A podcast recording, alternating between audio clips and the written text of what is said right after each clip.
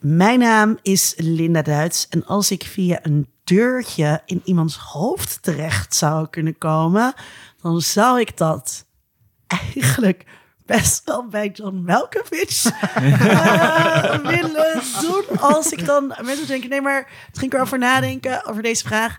En ehm, ik zou het sowieso bij een kat willen. Oh, dus leuk. niet bij een mens, want ik denk dat klinkt heel arrogant, maar ik denk dat ik heel erg verveeld zou zijn met de gedachten van iemand anders dan die van mezelf. Maar ik ben, ja, dat klinkt arrogant, hè? Ja. Maar ik ben onwijs benieuwd wat er in het hoofd van katten omgaat. Dus ik zou kiezen of Frits of Theo.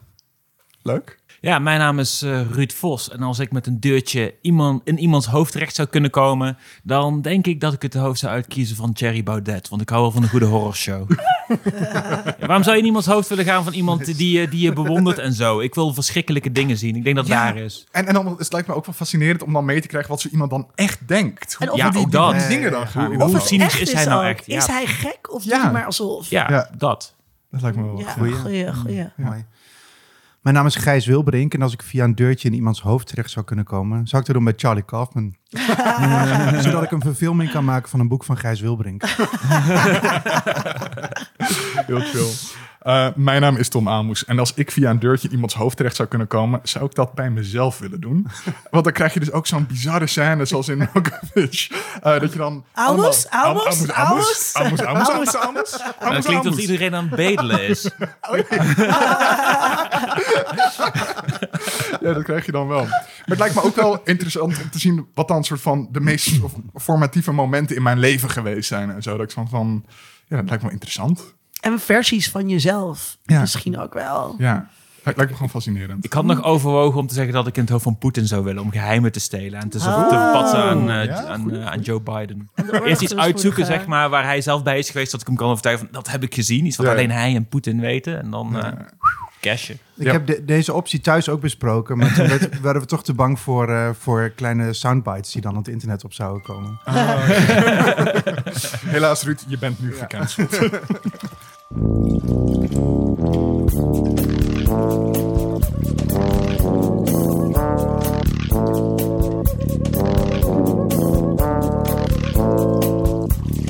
hoorde ze al, Ruud Vos en Gijs Wilbrink zijn bij ons gast. Ruud is professioneel filmfan en de presentator van de podcast Duimpje Worstelen. En ook al eerder te gast geweest. Super leuk dat je er bent. Toen hadden we het nog over Firefly. Ja, Dat is toch iets heel anders dan dit. Vrij, vrij anders inderdaad. En bij ons is ook Gijs dus. Eh, en hij is de CTO en medeoprichter van Vriend van de Show. En schrijver van een roman die eind dit jaar in de winkels ligt. Yes. En over twee jaar verfilmd wordt. Charlie Kaufman. Als alles goed gaat. Als ik zijn hoofd kan bemachtigen. Mag je nu wel zeggen waar je roman over gaat? Want vorige keer mocht dat niet. Nee, de vorige keer wil ik de, de titel niet Oh ja, zeggen. dat was het. Dat is De Beesten. De beesten. Ja. En waar gaat het over? Het gaat over de familie Keller. En dat is de beruchtste familie uit een eh Achterhoeks grensdorpje. Ehm, dat zijn stropers en zwendelaars en noem maar op. En eigenlijk verschillende generaties van die familie proberen daar een beetje uit los te breken. Ehm, ja, en dat is maar de vraag of dat lukt. Oké, nou, Zoiets? ik ben zeer geïntrigeerd. Ja. Nice. Ik hoop dat boek als het er is. Ehm, en het komt precies uit? November. Oké. En zoals altijd ook de gast. Frits en Theo. Die net eh, even een soort dansje met elkaar deden. Dan wel een eh, eh, choreografie, hoe ze het vechtchoreografie hebben ingestudeerd. Dit, dit was totaal de bedoeling. Dit was gepland, inderdaad. Goed, terug naar de, de terugblik. Eh, Ruud, wat heb jij de laatste tijd gezien en beleefd dat je met ons wil delen? Nou, ik, ik heb het geluk gehad dat ik twee films kon zien die nog moeten uitkomen. Die ik graag wil delen. De eerste is eh Mad Mess. De nieuwe film van Sam de Jong. Ook Oh, al eh, ja. van eh, Prince en zijn Amerikaanse uitstapje naar Goldie. Met Goldie dus. Maar ehm, je, je merkt volgens mij een beetje... Hij, hij heeft al wat over gesproken over dat zijn ervaringen met het maken van Goldie niet per se heel erg goed waren. En ik heb het idee dat hij nu echt compleet zijn revanche heeft genomen door echt extreem absurdistisch te gaan in zijn nieuwe Nederlandse film. En stilistisch lekker ver te gaan. Het voelt ook een beetje alsof dat het een korte film is qua stijl. Die is opgerekt tot 70 minuten. Het is helemaal niet zo'n lange film. Maar het werkt. En Hij maakt het dus wel waar. Het voelt dus Hij- niet als, een, als iets wat een kwartier had moeten zijn. Nee, voor mij niet. Ik vind het vooral interessant ook omdat hij best wel dingen pakt die, die echt spelen, maatschappelijke thema's en zo. En dat hij daar gewoon zijn sausje overheen gooit. Dus wat die, dat waarmee dus toch wel echt iets zegt over wat. wat, wat, wat ja, het gaat over een, een, talk, nee, een, eh, een spelshow host. eh, wiens camera wordt gestolen als ze een documentaire wil gaan maken. eh, door, door een Marokkaanse gast. En dan zegt ze in het politierapport van dat was met mes. Hij is me bedreigd met mes. En daardoor komt hij alleen maar dieper in de problemen. En dan gaat het over hoe zich dat verder ontwikkelt. Ja. En dat, dat is best wel, eh, best wel intrigerend allemaal. ja. Ik zat er met wel een paar andere mensen in de zaal en die hadden echt zoiets achteraf van wat heb ik in godsnaam gezien. Maar dat zijn de films waar ik op kapot ga. Maar dat, daarom zit ik ook waarschijnlijk in deze aflevering. Ja, ja, ik zag de, de trailer ook. En die zag er heel bizar uit qua kleur en, en een soort van lenzen. Alsof er dikke lagen vaseline overheen zaten. Echt zo'n en zo. jaren tachtig sausje met Ja. flinke neonkleuren en zo. Dat, eh, dat soort dingen. Verwacht dat heel erg. Dat Ja, zat ook vet. al in, in Prins, maar hierin nog wel meer. Ja, leuk. En heb je nog een andere?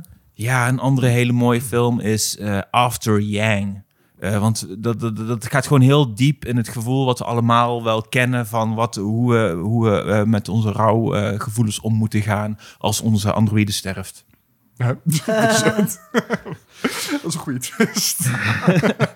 Het is eh, met een hoofdrol van eh, Colin Farrell, die de vader is eh, in een gezin en zo. En hij is dan misschien nog wel degene die het minste eigenlijk eerst interesse heeft bijna in die robot. Maar ook hij, bij hem voel je wat het teweeg brengt. Maar vooral ook hoe dat voor zijn dochter eh, beïnvloedt en dat soort dingen.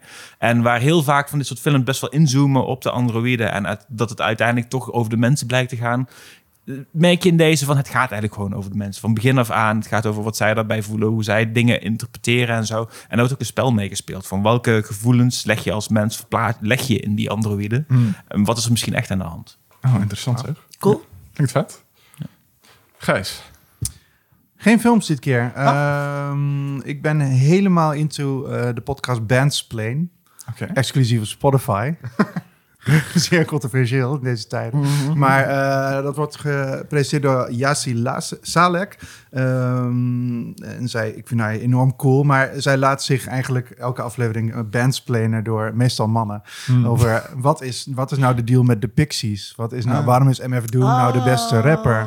Oh. Eh, de Minutemen, een van mijn favoriete vrij obscuur punkbandje. Ja, is, en soms ook, eh, die Minutemen aflevering duurt dus drie uur. En ik vind dat Wow. heerlijk. En omdat het eh, nou, een Spotify original is, ook lekker gewoon eh, liedjes helemaal tussendoor te kunnen luisteren en Oh, zo. ja. zo gewoon, En ja, zijn het altijd mannen die het komen niet altijd, gelukkig. Maar eh, het is denk ik wel een beetje een deel van het grapje. Dat het, eh nou. Ehm, ja, ik vind dat echt enorm goed. En er staat, Ja. het is super gevarieerd. Volgens mij de eerste drie afleveringen zijn eh eh, Steely Dan, MF Doom... En dan een of andere jazz-artiest of zo. Dus Oh, wat meteen een soort van lekker range. palet Ja. neergezet Ja. van, ehm, van alles kun je daar verwachten. Ik vind het heel goed. Eh, en een, een YouTube-filmpje. Ehm, The Problem with Irony. Moest ik heel erg aan denken in de voorbereiding van deze aflevering. Hmm. Dat is, eh, is een video-essay met heel veel materiaal van een interview. Best wel bekend interview van David Foster Wallace met Charlie Rose. Hmm. Waarin hij, nou eigenlijk nog voor dat adaptation in ieder geval eh, verscheen, het heel erg heeft over, over postmodernisme en ook de problemen van postmodernisme, waar hij als schrijver heel erg in zat en mee worstelde Mm. en toch eigenlijk ondanks alle eh, ironie en, en, en, en afstand die po- postmodernisme kan creëren, toch probeert mensen te raken op een of andere manier. En eh, ja, ik vond dat heel, heel cool en ik zou mensen zeker na deze aflevering ook naar dat filmpje verwijzen, want dat geeft misschien ook nog wat meer context. Ja, Van welke YouTuber is het? Is, is het echt gewoon van David Foster Wallace een interview? eh? Nee, het is, een, eh, het is echt een video-essay waar ik echt niet op kan komen nu. Oké, dat, gaan we opzoeken en zetten we in de show notes voor de luisteraars. Thank God voor de show notes. Linda, wat heb jij gezien? Ik, ehm, mag ik drie dingen alsjeblieft. Nee, voor deze ene keer. Ik ehm, wil beginnen met ehm, eh, Dirty Lines, eh, nieuwe Netflix-serie die ik al mocht kijken. Eh, als je dit luistert, ook als je, nee, als je, ja, als je betalend luisteraar bent, dan hoor je dit eigenlijk te vroeg. Eh, want er zit een eh recensie boycott, of er zit een spoiler recensie boycott op tot vrijdag. Ehm, een nieuwe Netflix, nieuwe Nederlandse Netflix-serie over de 06 sekslijnen die eind jaren 80 in Nederland opkomen. Ehm, ik vond het heel leuk gedaan. Je komt het verhaal in vanuit het perspectief van eh, Marley. Dat is een meisje dat bij zo'n sekslijn gaat werken. Eh, waarmee je dus een beetje weggaat van het perspectief van de vieze mannetjes, zeg maar, die die sekslijnen toen opzetten. eh, die ook daarover memoires hebben geschreven waar die serie op gebaseerd is. Er komt dus voor een vrouw de serie in. Ehm, het is... eh, of Ellen Laan, eh, de helaas eh, te vroeg gestorven hoogleraar seksuologie, heeft daar meegewerkt. Het is super sekspositief. Wat ik natuurlijk echt heel leuk vind.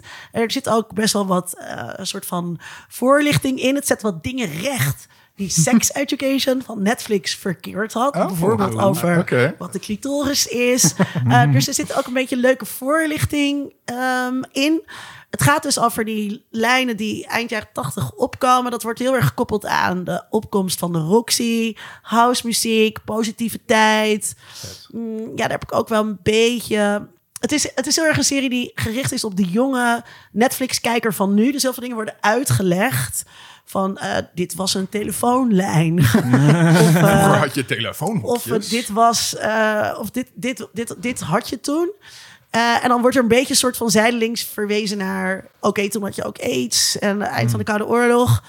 Ehm, en het gaat dus bijvoorbeeld helemaal niet over het stigma... dat er gewoon toen natuurlijk heerste over in de zes lijnen. Komt nu stiekem een beetje zo à la Fraser, allemaal van die Nederlandse bekende acteurs zo'n gastrolletje qua stem erin hebben. Dat je ineens zo Frank Lammers hoort van, hallo, wat heb je aan? Ah, nee, nee dat, was, dat was leuk geweest, maar dat zit er niet in. Maar het is, het is heel goed. Ja, ik vond, het, ik vond het echt heel leuk gedaan. En ik was er vandaag over eh, op de radio. En eh, toen eh, zei ik ook, toen ik aan het kijken was... Toen had ik natuurlijk de vraag in mijn hoofd die we in ons podcast ook het hebben. Is dit een feministische serie? ik denk het niet, maar het is wel een kijktip. Was trouwens docu-serie of juist drama? Nee, het is een fictie. Ja, het is, eh, het ja, is een, eh, het is een eh, dramaserie met fantastische eh, Joy de Lima die eh, de, de hoofdrol speelt. En ja, dus eh, vanaf eh, wat, welke datum is het? Vrijdag? Oeh, vrij- 9 april of zo? De 8e, 9e? Wacht, hoeveel? De 8e natuurlijk. Ja, Ja, vanaf dat is 8 april te zien. Dus als, eh, als je dit luistert, dan kan je dit waarschijnlijk al kijken. Ik, ik zag ook al echt heel veel reclame ervan door de stad hier in Amsterdam. eh, op allemaal reclame zijn en zo. Dus Netflix pakt er ook wel echt mee uit. Dit moet wel een Nederlandse hitserie worden. Ja, Volgens het moet wel echt een, een Nederlandse hitserie worden. En er zit heel veel Amsterdam porno in. Dus dat is Altijd dat is altijd lekker. Mooie grachten. En ze hebben het dan geprobeerd om een beetje naar de jaren tachtig toe te schrijven. Dus eh, eh, ze gaan bijvoorbeeld naar de oude dansen bij, of wat toen nog was, de dans bij Jansen. In de voet of de handboogsteeg, ik weet nooit welke. En dan hebben ze dat steegje hebben ze dan geprobeerd een beetje shabbier te maken. en dan op de jaren tachtig te laten lijken of zo. Dat, dat, is, dat is wel geinig. En er staan overal op de brug heel veel fietsen en vuilniszakken. Eh, en eh, ja, nou, dus ga, ga dat zeker kijken. Ik heb ook gekeken eh, naar Minx op ehm, HBO eh, Max. Ehm, gaat ook over eh, erotiek. Ehm, een feminist in 1970 gaat in zee met een porno-publisher om haar ideeën, haar feministische ideeën aan de vrouw te brengen. Met het idee, ze kan nergens anders terecht. En dan maken ze dus een erotisch magazine voor vrouwen. Dat betekent een parade aan piemels. Ik heb nog nooit zoveel piemels, blote piemels in een serie gezien. Dat is überhaupt al heel interessant. Maar het idee van het blaadje is dus... eh, we zetten er mannelijke pin-ups in. En dan de content die ze lezen is een soort... how to smash the patriarchy. Ehm, zeker geen feministische serie. Daar was ik al, daar was ik al heel snel over duidelijk. Het past natuurlijk heel erg bij mijn filosofie. Of hoe ik in het leven sta eh, over, over dit soort eh sekspositieve dingen. Maar het sloeg toen gewoon helemaal nergens op. Dus het past gewoon historisch echt helemaal niet. Dus die feministen van 1970 die waren zo anti-alles. dat, ehm, dat, eh, dat klopt niet helemaal. Ehm, het gaat ook over klasse. Eh, maar als je geïnteresseerd bent in piemels, dan kan ik dit Hartstikke wel hard eh, aanraden. Ehm, en ik wil ook nog een derde waarschuwing geven. eh, namelijk Een waarschuwing. ja, dus een waarschuwing. Dus ik had gekeken ook naar The Gilded Age van de makers van Downton Abbey. Ook op HBO ehm, Max. Ehm, en dat zou ik overslaan. Begin er niet aan. Eh, het is best wel nep of zo. Alle sets lijken heel nep. En dat is oké in Bridgerton. Eh, want dat is geen echte serie of zo. Maar hier wordt gedaan alsof het een soort echt historisch drama ehm, is. Het komt maar niet eh, op gang. Er wordt veel te veel uitgespeld. Er is veel te weinig verhaal. Dus doe dit jezelf niet aan. Duidelijk. Zelf ben ik begonnen aan de nieuwe Marvel-serie op Disney Plus, The Moon Knight, eh, met Oscar Isaac. En ik vind hem eigenlijk altijd best wel goed in heel veel dingen. Eh, en hier, ik vind dat hij ermee wegkomt, maar heel veel andere mensen niet. Speelt hij Waar een als je soort daarmee wegkomt? Eh, ja, een, een, een zwaar Londens accent. Eh, met echt de, alle mates en blimies en bruffs die je erbij kan bedenken. Ehm, het, het- het- het- het- bijna een beetje potsierlijk. I'm a cook. Nee, I'm a cook. Nee, I'm a cook. Nee. ja. Ehm, maar hij speelt een soort, soort eh, ehm, slaaploze museum giftshop verkoper. Eh, Verkoopt die gift shops? Nee, hij is een verkoper in een gift, giftshop. Ehm, maar eh, eh, als hij dan s'nachts gaat slapen, wordt hij misschien iemand anders. Want elke keer als hij wakker op wordt, dan zijn er dingen anders. Eh, of is hij ergens anders. En hij weet niet zo goed wat daarmee gebeurt. Klinkt als Charlie Kaufman's Batman. ja, een beetje, een Klinkt beetje ook wel. gewoon als Jekyll Eh, and Hyde. Klinkt ook gewoon als Jekyll and Hyde. Een beetje wel. Ehm, maar eh, dat blijkt uiteindelijk te komen door een Egyptische god. eh, waar hij de avatar van is. Eh, en daardoor wordt hij de Moon Knight. Alleen eh, die Moon Knight... Ik, ik ben nu bij aflevering 2 en weet nog steeds niet of hij goed is of slecht. Eh, dus het is een beetje afwachten van... Ja, hij wordt een soort superheld. Maar hij weet niet zo goed wat het plan is van die superheld. Wat hij nou precies wil doen. wa- waarom die in zijn lichaam zit. Waar dat allemaal vandaan komt. Het is een beetje een soort horror mystery twist op een superheld. Eh, maar uiteindelijk blijft het ook nog wel heel erg een Marvel-serie. Want tussen al die spanning en de horrormomentjes... en interessante ideeën over gespleten persoonlijkheden... niet super origineel, maar wel op zich interessant... eh, heb je toch nog te veel alle Marvel-grapjes en zo... om de spanning toch te verlichten. En is het toch niet echt eng. Durf ze toch niet echt de horror in te gaan. En is alleen maar een soort van allusies aan horror. Ja, krijg je toch. Maar ik ben toch echt benieuwd ernaar. Ook omdat dit mede is geregisseerd. In ieder geval sommige afleveringen door Moorhead en Benson. Die bijvoorbeeld ook de Endless hebben gemaakt. Vond ik echt een heel toffe film. Maar ook vooral omdat die best wel van de pot gerukt is. En met heel minimale effecten best wel veel weet te doen. Dus ik ben ook benieuwd of dat ze dat ook een beetje kunnen vasthouden. Als ze een groter budget hebben. Die creativiteit. Ja, er wordt, heel veel gespeeld met, met beeld en spiegels en zo. Om die gespleten persoonlijkheid natuurlijk eh, te doen. Het, het is niet het meest subtiele, maar het wordt wel allemaal heel erg tof in beeld gebracht. Het ziet er allemaal heel erg eh, vet uit. Ehm, dus is de kijktip... Ik vind, ik, ben, ik vind het gewoon best leuk om te kijken. Het is leuke wegkijktip. Uh, het is, te kijken. het is te gaan beginnen. Ik ben benieuwd. Ehm, en op eh, Disney Plus stond ook nog iets anders. En daarmee loop ik eigenlijk voor op onze aflevering van volgende keer. Death on the Nile van Kenneth Branagh. Eh, nieuwe Agatha Christie verfilming. Eh, ook weer in Egypte. Ehm, natuurlijk, de Death on the Nile. Ehm, en ze hebben dus echt dat Agatha Christie materiaal van... er wordt een moord gepleegd op een cruise ship op de Nijl... eh, ergens in de jaren twintig. En dan denk je, misschien kunnen ze iets moderniseren aan de setting, het wat orientalistische, eh, de wat orientalistische insteek van het bronmateriaal en zo. Maar nee, absoluut nee. Gewoon niks moderniseren. Het is gewoon precies wat je ervan verwacht met een boek dat uit de jaren twintig komt, dat over Egypte schrijft. Ik, Eh, ik dus- heb er ook over gehoord dat het ook gewoon heel erg zo in de studio ook met set is opgenomen. Oh, ja. Dat je dat heel erg goed ziet. Ik ben heel erg benieuwd volgende week, eh, volgende eh, aflevering van... vindt eh, Linda dit er eh, realistischer uitzien dan The Gilded Age of niet? Oeh, ik denk minder. ik denk nou, echt. dat is echt wel lastig, want de Gilded Age ziet wel echt heel Nee, je, hebt scènes bij, de, bij een piramide op een gegeven moment en, en de greenscreen spat er van af. En misschien is dat een cre- creatieve keuze geweest van Kenneth Branagh om dat een beetje soort van allemaal het er soort van te echt eh, te, te nep uit laten zien dat het de echt decors zijn en daarmee spelen. Maar dat verwacht ik eigenlijk niet dat dat te doen was. Maar dat zou je erin kunnen lezen. Ehm, en voor de rest, ja, het is, het is gewoon verder niet een hele goede film.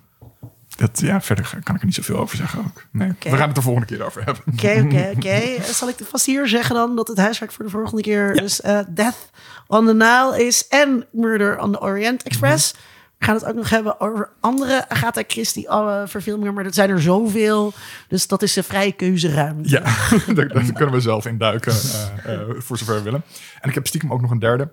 Oh, sorry. Maar, maar die dat, is, zit, dat zit helemaal toch tussendoor. Ja, ja maar uh, dat is, uh, um, is al genoemd door Natasha, maar ik wil het nog even met klem benadrukken.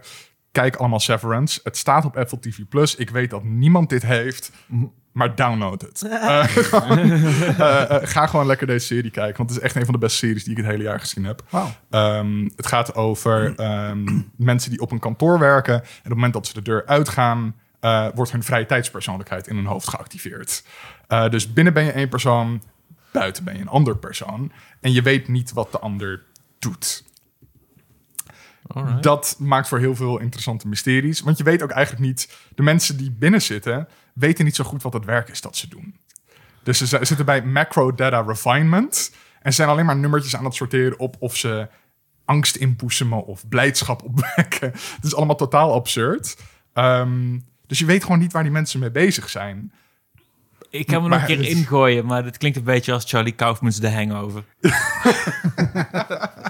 ja, het heeft wel iets Charlie Kaufman-esks, maar het is dan minder surrealistisch en existentieel en meer van kritiek op werkcultuur. En, uh, ja. Maar het ziet er verder ook prachtig uit, het is prachtig in beeld gebracht. Uh, filosofisch interessant. Ja, ga, ga het gewoon kijken, het is gewoon hartstikke goed.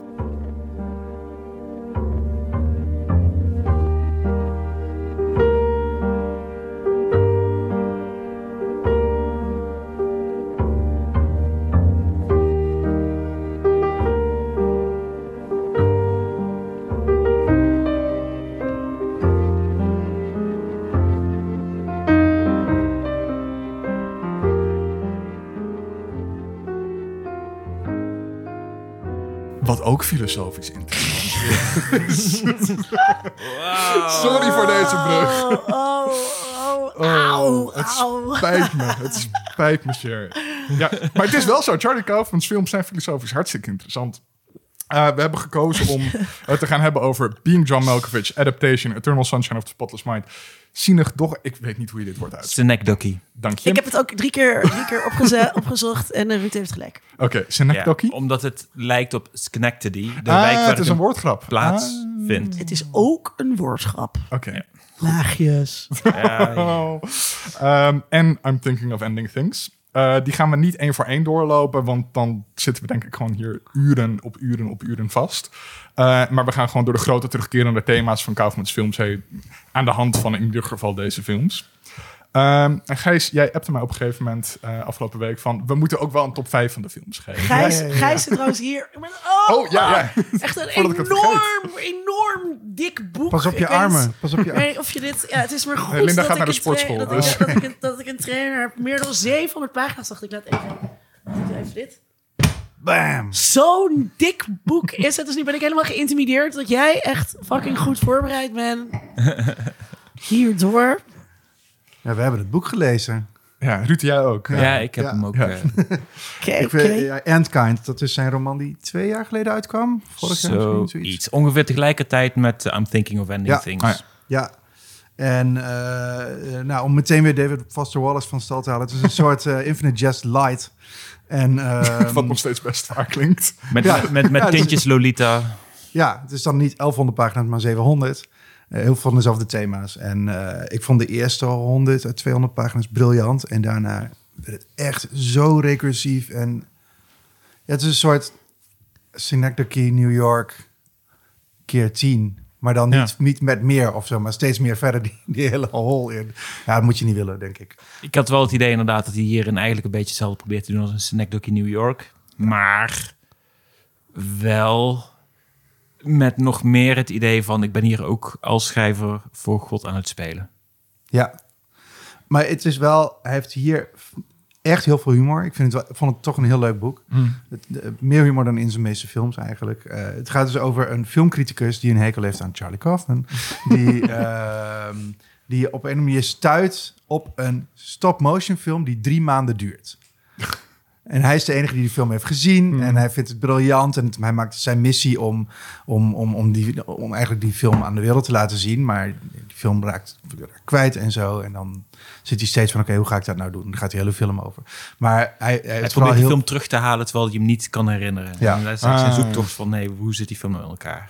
Door middel van hypnotherapie gaat... Ja, oké. Je kunt alles uitleggen. Ja, maar we gaan nou is heel erg wel over, de, het boek in. Maar één, heel, één ding wat ik heel leuk. Kaufman. Ja, hij heeft vooral hele leuke rants over films. En dan vooral Mhm. wanneer hij elke keer als hij zegt... en Charlie Kaufman is zo kut, dan valt hij in een put. Het is zo, zo droog. Is hem, I fall into an open manhole. Staat er ook Ja. echt heel droog. Dat vind ik zo leuk. Dus nou goed. Oh god. Dus we zijn los. ja, lachen. Oké, maar de top 5. Gingen ranken. Ik, ik heb Ja. wel, eens uit, wel eens uit vaker ja, lachen gehoord als een soort van dooddoener. Maar deze was echt eh wereldklasse. Ja, lachen. Ik hem niet bedoeld. Van die mensen, mensen die dan gewoon zeggen... Ik ga stuk. Top vijf. Tot vijf. Let's go, guys. Oké, één. Adaptation. Twee, Being John Malkovich. Drie, Eternal Sunshine of the Spotless Mind. Vier, I'm Thinking of Ending Things. Vijf, Synecdoche, New York. Oeh. Over naar jou, Tom. Nou ja, ik heb hem bijna omgekeerd. Want één is voor mij Synecdoche New York. Eh, twee is Eternal Sunshine of the Spotless Mind. Drie, Being John Malkovich. Vier, I'm Thinking of Ending Things. En vijf, Adaptation. That's my boy. That's my co-host. Ja. Ruud? Jeetje, ehm, ik heb op één Being John Malkovich. Twee, ah, I'm Thinking of Ending Things. Drie, zet ik toch maar Eternal Sunshine of the Spotless Mind. Vier, Confessions of a Dangerous Mind. want ik ben een maverick. En dan ga ik op vijf, eh, welke heb ik niet gehad? Adaptation. Ik heb toch gewonnen tijdens dat eh, duimpje worstelen. Nee, nee, nee, nee. nee. Dat, Dus eh, zeg maar gewoon alle vijf topregionen films en zo. nou, Dat sowieso, dat natuurlijk wel onverlet. Ja, dit, deze vijf films staan ook in mijn top 20. ah. Met z'n allen, zeg maar. Dus, Mis- misschien moet ik dus even zeggen, ik was eerder eh, bij Ruud de gast in zijn podcast Duimpje Worstelen over eh, adaptation. Ja, en elke keer als ik iemand uitnodig, dan is ook echt het idee van er is een tegenstelling. De ene vindt iets goed, de andere Ja. niet. Dus Ja, dus jij moest het ook goed vinden, terwijl het niet goed is. Ehm, eh, maar ik, eh, ik zal dat ook even linken eh, in de show notes, dat mensen dat nog kunnen luisteren. Ehm, ik ben ja, nummer 1, Eternal eh, Sunshine of the Spotless Mind. 2, Being John Malkovich. 3, Synecdoche Synecdoche. Synecdoche, New York. Dan zit er heel ver, heel ver tussen. Want dat vind ik, deze drie films vind ik goede films. Ik weet niet of ze in mijn top 20 zouden staan, maar vind ik echt goede films. En dan kom je aan bij... Ehm, met I'm Thinking of Ending Things, omdat ik daar niet zeg maar eh, mezelf van eh, kant wilde maken. En eh, eh, Adaptation op de laatste plek, omdat ik het daar wel wilde. Voor de luisteraars thuis die geen beeld hebben, ik heb nu een t-shirt aan met erop het gezicht van Nicolas Cage. Ja. Dat is een grote provocatie. Nou, Ja, dat die ja. recht tegenover mij Het zit. is meer dan alleen maar Nicolas Cage. Het is ook Meryl Streep. En het is ook gewoon eh, echt wel, ook wel echt eh, Charlie Kaufman. Ja? Zonder, Ja. zonder er helemaal in te duiken. Want ik ben er toch wel benieuwd. Waarom vind je dat dan, de de adaptation dan van al die films... Ik vind hem niet zo verschillend van, van de rest van zijn werk namelijk. Het ding is, Adaptation is een grap die ik niet grappig vind. Dus ik snap de grap, maar ik vind die grap niet grappig. En dan is die hele film dus kut. En dan ook nog eens een keertje als je dan... Ik heb, ik heb dan inderdaad niet zoveel met de Nicolas Cage... die dan dus een heel getergd iemand eh, speelt. En ehm, eh, ik had opgeschreven... Hoi schrijver, val me niet lastig met je sores. En wij maken hier heel veel grapjes over... de auteur is dood wees ook gewoon dood. Dus ik vind sowieso verhalen over schrijvers die over schrijven schrijven. Ja, dat vind ik gewoon best wel boring. Ik vind het aanmatigend. En eh, oké, je hebt writersblok. Ja, oké. eh, dat, daar hoef je geen, eh, geen film van te maken. En ja, dus ik, ik vond... En het, en het, het, het valt en staat... Maar ben ik wel benieuwd, want jij hebt hem op één staan. Ehm, volgens mij valt of staat het bij die grap. Als je die grap leuk vindt, dan is die film leuk. Ja, ik heb het nooit Die echt- meta, dat meta, meta, meta Ja. van die film. Ja, dat vind ik, dat heb ik altijd enorm leuk gevonden. Ik moet wel zeggen, ik heb die film gezien net toen die uitkwam. Ik was 18, denk ik. Ik had net Being John Malkovich gezien. En eh, in de Veronica-gids van mijn ouders las ik dat er een vervolg kwam op Being John Malkovich. Zo werd die film toen Ja, zo werd hij inderdaad gepitcht. Crazy, Ja, ja, ja. Eh, Want ehm, Voor een deel is het ook zo. ja, want die film begint met dat. Charlie Kaufman van de set van die Being John Malkovich Ja. wegloopt. En dan verder gaat met zijn leven tussen aanhalingstekens. Ja, dit was voor mij, en we zijn ook, eh, we zijn natuurlijk twintig jaar verder en zo en, en, en wijzer. Maar dit was voor mij gewoon de oerknal. En gewoon, ik was gewoon mind blown over wat metafictie is, wat postmodernisme überhaupt is. Ehm, ik, vond het, ik vond het origineel, ik vond het briljant. Maar als je nu, want dat is ook waar wij het in, eh in Ja. Ruud's podcast erg over hadden. ehm, waarbij ik me ook daar wel heel bewust van was dat ik vanuit een 20, 2021 was dat, 2021 blik naar die film aan het kijken was. En dat is niet helemaal eerlijk. Daar Nee. ben ik me van bewust. Want als je hem nu kijkt, is dat, heb je dat dan nog steeds? Of Ja, ben je ik ben dan daar weer heel slecht fanboyen in. zoals je toen was, toen je jonger Ik ben was? dat. Mijn, de- mijn fanboy gaat nooit dood. Dat is altijd een Ja. beetje mijn probleem. Ik kan dat. Dat is echt maar een paar keer gebeurd. Vanilla Sky was zo'n film. Die zag ik ook een beetje op die leeftijd. Daar was ik helemaal fan van. En nu denk ik van ja, nee, echt. eh, houdt niet op ten opzichte, ten opzichte van die andere. Maar ja, ik ben daar hier heel slecht in. Maar dit is ook meer hoor. Meer dan, dan eh, of, of die metalagen nou zo origineel zijn of niet. Ik vond John LaRoche een geweldig karakter. Die hele, daar die swamps, daar ga ik heel lekker op. Eh, daar, nou ja, ik schrijf een boek over de Achterhoek, zeg maar. Eh, dat is de, ik, ik vind dat altijd, altijd, de altijd heel fijn. Dat soort, eh, ook al bekend als de. Nederlandse. Everglades. eh. ja, ja, de Nederlandse Everglades. Nee, maar ik, dat, dat, eh, ik vind dat wereldje altijd gewoon heel lekker. En om dat dan in een Kaufman film te zien, dat zie je ook niet zo vaak. Het is alles bij elkaar. Ja. Een van de dingen die ik heel erg telling vind, is dat je het hebt over een grap die jij niet grappig vindt. En ik denk wel dat adaptation van deze vijf films, van deze vijf titels, wel het meeste te lezen is als een comedyfilm, maar dan met een wat, wat apartere twist. De andere hebben een veel serieuzere toon. Ook al zijn ze misschien wel geschreven, ook wel met dat komische eh, in gedachten, maar weer veel serieuzer of zo beeld gebracht voor mijn idee. Ik vind Maar Charlie Kaufman is ook begonnen als comedy schrijver voor onder andere de Dana Carvey show. En Oh. hij heeft voor Ned en Stacey heeft hij drie afleveringen geschreven en dat soort dingen. En dat soort invloeden merk je wel terug eigenlijk in al zijn werk. Zeker hoe hij zijn, zijn hoofdpersonen eh, vorm geeft en eigenlijk gewoon teistert. Ik vind eh, Being John Malkovich bijvoorbeeld wel ook echt een komische film. Ja, Ik heb ook heel veel gelachen bij I'm Thinking of Ending Things. Ja, Ja, ik ook. het ongemak. ja. Ja. ja. Zeker. Ja. Ja. ja, ik vind Adaptation ook gewoon de leukste. Eh, niet per se als van haha, wat een grap of zo. Maar hij is gewoon licht, hij is niet te ingewikkeld. Dat sommige mensen hem ingewikkeld vinden. Dat is flauwekul. Dat hoeft het, hoeft het ook helemaal niet te zijn. Het is gewoon, ik vind het gewoon een, de- inderdaad zijn leukste, meest speelse film. En dat vind ik met Synecdoche vind ik een briljante film. Maar lood en loodzwaar. Mhm. En dat... eh, Terwijl ja, hij ook vol zit met van dat soort grappen en zo. Ja, soms is ja. het simpelweg magisch realisme, zo'n zo'n geintje in beeld. Maar het is wel een werk dat, dat, dat helemaal eh ja, dichttimmerd is met best wel serieuze performances, et cetera. Maar wel met dingen die je ook kunt lezen als een grap als je gewoon net met een iets ander oog naar kijkt. En, en ze zijn thematisch komen ze ook best wel veel overeen. Het gaat ook gewoon allebei over een schrijver die zichzelf in zijn werk verliest. Ja. Eh, en daarin tegen de muren van genre en, en conventies oploopt. Ik had hierbij dus wel, ik had het laatst hebben we dat benoemd over Wes Anderson ook. Dat eigenlijk wil ik helemaal geen regisseursafleveringen meer maken.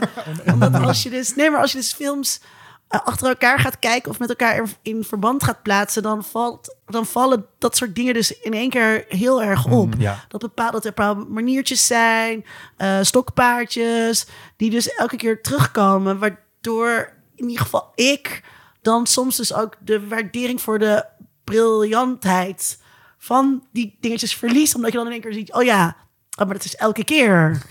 Weet je wel, dit is, Dat, dat, dat een trucje wordt bijna. ja, ja. Oh, de hoofdpersoon gaat alweer vreemd of probeert alweer vreemd te gaan of iets in die richting. Wat Nou ja, komt het er zijn, het zijn dus allemaal, eh, de hoofdpersonen zijn allemaal ge- getergde mannen. Ja. En dan zie je die mannen in één keer in een rijtje. En dan denk je, wow, wow, wow, hier ben ik niet bij. Terwijl toen, ik, toen ik bijvoorbeeld Being John Malkovich voor het eerst zag... vond het echt fucking briljant film. Ja. Eh, was ook de eerste Kaufman die ik zag. Vond het zo goed. Terwijl nu kijk je dan naar John Cusack en dan denk je, ja, oké. En dan, want dan ga je hem in, het, in dat andere rijtje eh, plaatsen. Mhm. En dat doet echt, voor mij in ieder geval, doet dat, doet dat afbreuk. Iets wat ik wel op zich heel erg telling vind voor hoe je naar deze soort films kijkt. Zeker eh, zijn, zijn eerste paar films werden best wel sympathieke acteurs gecast. Om die rol te spelen, zoals een John Cusack. Ja, oké, Nicolas Cage, weet ik wat je van vindt. Die is charismatisch minder zo snel sympathiek te noemen op die manier. Maar wel Ehm, superster. maar ja, Ja. maar ook eh, eh, dingen. Dus, eh, Jim Carrey vooral is de meest sympathieke variant van een Voor mij was dat de eerste... ehm, eh, ik vond Jim Carrey altijd afschuwelijk. Ja. En dit was de eerste... Was dit voor of na Truman Show Daarna. nog? Daarna. Ja. Dan, nou, de Truman Show was dan... En in Truman Show speelt hij natuurlijk ook nog steeds al echt die komiek met die blikken en die, en die glimlach. En eh, dat... eh, eh, terwijl hier vond ik dat ontzettend goed gecast. Ook Ja. heel goed in de carrière van Jim Carrey. Om eindelijk een keertje niet de mask, zeg maar, te spelen. Nee. Ja, maar het werd ook zo tegen zijn type ingecast. Ja. Eh, en ik las ook hier en daar van dat ze hem echt hebben bijna, bijna gemarteld hebben op de set om deze performance uit hem te krijgen. Dat is gewoon tegen ik. logen over wanneer de camera liep wel of niet. Eh, Oh, ja? En dat iedereen mocht improviseren, maar hij niet. Hij de hele tijd teruggeroepen werd naar het script. Omdat hij te zeer overperformt uit zichzelf. Ja, of misschien dat ze daar bang voor waren. Maar volgens mij was dit geen leuke shoot voor hem om Nou, te doen. Misschien hebben ze ook wel uit, gehoord wat hij heeft uitgevreten op de set van Man on the Moon, waar hij eh, alleen maar op los eh, ging met method acting. Oh, maar nee. ik vind het ook, ook zeer telling zeg maar, dat dit allemaal films zijn die gemaakt zijn door andere makers. En dan gaat ineens Mhm. Charlie Kaufman zelf regisseren vanaf eh Synecdoche, Ja. New York. En wie cast die als die figuur ineens? Philip Seymour Hoffman. Iemand die ook gewoon echt heel goed, heel onsympathiek kan overkomen. Ja. En best wel een smerige man kan spelen. Iemand met wie je helemaal geen sympathie hebt. Waardoor je eigenlijk bijna een inkijkje krijgt van zo ziet hij die figuren eigenlijk. Ja. En vervolgens David Thewlis in, in Anom eh, Anomalisa. Ook iemand die zo vatzig is, ook al is dan een geanimeerd figuurtje, maar nog steeds qua dus ook zoiets iets weet uit te beelden. En in I'm Thinking of Ending Things, ja, dat eh, de, de jonge variant. deprimerende. Ja, Oh, precies. man. Eh, ook nog gespeeld door iemand die nog in The Master de zoon speelde van Ja. eh, het figuur van, eh, van Philip Seymour Hoffman, Oh, Jesse? Plemons. Ja. Oh, oh Ik dat- zie hem ook altijd als de zoon van. Oh ja? Ja, Ja, maar je ziet het wel. Het is wel van- soort... ja. Ja. Maar ook, ook, een, ook een acteur die dat soort dingen aan kan. Ook in die ene aflevering in Black Mirror waar hij in zit, is hij ook zo super unlikable. In die, die Star Trek aflevering, eh, die Star Trek parodie, is hij de, de baas van het techbedrijf die... Nou ja, goed. Nee. Dat allemaal tezijde. Een van maar de leukste Black Mirror afleveringen. ja, ja, mee eens. Heel veel hele toffe performances en ook een heel, eh, heel sterk verhaal. Ja. Maar dat vind ik ook wel grappig. Kaufman st- stopt Maar duidelijk... wacht, wacht, nog ja? heel even, sorry Tom. Eh, want jij zegt, het verandert als Kaufman zelf gaat regisseren. En Ja. zit dat dan in die casting? Of waar zit het dan nog meer in? Ik denk dat de casting al het begin daarvan is. Ik denk dat andere eh, regisseurs nog zoiets hebben van... ja, je moet op een bepaalde manier nog mee kunnen met deze, met deze personages. Dat Mm. Kaufman er zelf eigenlijk lak aan heeft. En die denkt van, nou, ik schrijf verschrikkelijke personen... dan laat ze ook maar lekker verschrikkelijk zijn. Dus interpretatie kan ik niet hard maken... maar het is wel een patroon. Het valt wel op. Ja. Ja. Precies. Ja, er is ook echt een duidelijke tone shift tussen Ja. die, eh, die eerste drie en, en, en dan eh, de twee films die hij zelf heeft geregisseerd. Mhm. Het is allemaal voelt zwaarder. Zelfs ook in die andere films die hij heeft gemaakt, dan heb je eh, die, die hij heeft geschreven. Nou ja, ehm, ehm, Confessions of a Dangerous Mind, geregisseerd door George Clooney. Dan speelt eh, Sam Rockwell de hoofdpersoon. Het is niet per se hetzelfde soort type figuur, omdat hij niet zo creatief bezig is. Ook al maakt hij wel gameshows, maar dat is toch wel wat anders of zo. Die is wat minder likable, maar die heeft ook wat minder nodig. Maar die heeft nog steeds genoeg charisma om het te dragen. En dan heb je Human Nature, eh, de film die Michel Gondry maakte voor eh dinges nog, voor Eternal Sunshine de, de- misschien wel de meest komisch eh, beoogde film van alle, allemaal. Maar dan heeft hij Tim Robbins in die figuur staan als een, als een wetenschapper die er gewoon de- de- er niks van bakt. Maar die wordt ook wel super onsympathiek daarin. Maar wel door iemand gespeeld die je kent vooral van rollen waarin hij een beetje de lovable nerd is. Die, die, die niemand mag. eh, die een beetje mak eh, het, het doetje. Zo. Ja. Ja, maar dit, ik vraag me dan ook wel af van... eh, eh, Charlie Kaufman stopt heel veel van zichzelf in die films. Dat is wel duidelijk. Al die hoofdpersonen. Eentje is, eentje is letterlijk Charlie Kaufman. Ehm, maar hij heeft ook een hele lage dunk op van zichzelf en zijn vak. En ehm, ehm, zijn eigen struggles. Want hij, hij, hij focust als een filmster wel op, op het creatieve maakproces... en, en grootse kunst willen presenteren. Ja. Maar tegelijkertijd vind hij het ook absurd dat je daarmee bezig Hij bent. steekt er continu de draak mee zelf. Ja. Hij zegt zelf van, dit zijn mijn pretenties. En kijk eens hoe dom ze zijn. In Adaptation doet hij dat misschien nog wel het meeste van allemaal. Dat keer als hij iets hoogdravend schrijft en zo... dan zit er daarna weer een commentaar op van hemzelf... van dit is stom en idioot. Maar ook in, in Synecdoche heb je ook... Hij, hij, hij vindt het heel belangrijk om waarachtig te schrijven. Ja. En dat, dat zie je eh, eh, het karakter van Philip Seymour Hoffman proberen... om waarachtig te zijn aan zijn eigen leven in de kunst. Maar dan maak je dus geen kunst. Dan maak je een kopie. Ja, het is een Eh, beetje zoals de, de, de, de parabel van Borges over eh, dat er een kaart moet Ja. worden gemaakt. Ja. En op een gegeven moment moet die zo gedetailleerd zijn dat het eigenlijk gewoon een nabootsing is van de werkelijkheid, letterlijk, waardoor het geen kaart meer is. Nee. Geen abstractie meer heeft. Nee. Eh, dus dat vind ik wel grappig. Hij is eigenlijk diep en diep cynisch over zichzelf en de dingen die hij doet. Ja. Maar tegelijkertijd is die film wel weer zo vol met menselijke ervaring dat je kunt zeggen van, voor zover je daarin kunt slagen, is dit, is dit het. Ja, ja, ja totaal. Ik, eh, Synecdoche is mijn, mijn favoriete film van hem en denk een van mijn favoriete films toe. Eh, aller tijden, denk ik. Om, omdat het juist eh, soort van dat, dat gevecht aangaat met soort van waarachtig proberen te zijn, betekenis proberen te geven. En dat het uiteindelijk uitmondt in, in ja, de ruïne van een stad eh, en, en totaal ongeluk. Met dode mensen en de schrijver zelf wordt gereduceerd tot, tot de, de poetsvrouw die Ja. hij speelde in, bij zijn ex. Ja, goed. Daar zit ook weer zo'n metacommentaartje in wat ik me afvraag van... is hij daar ook gewoon echt een beetje het plot van Mrs. Doubtfire op de hak aan het nemen, expres of niet? Oh, wauw. Oh, ik had, ik, Mr. Doubtfire had ik er nog niet eens bij gehaald. Nee, dat weet ik niet. Nee, zeker niet. Had ik er niet bij gehaald.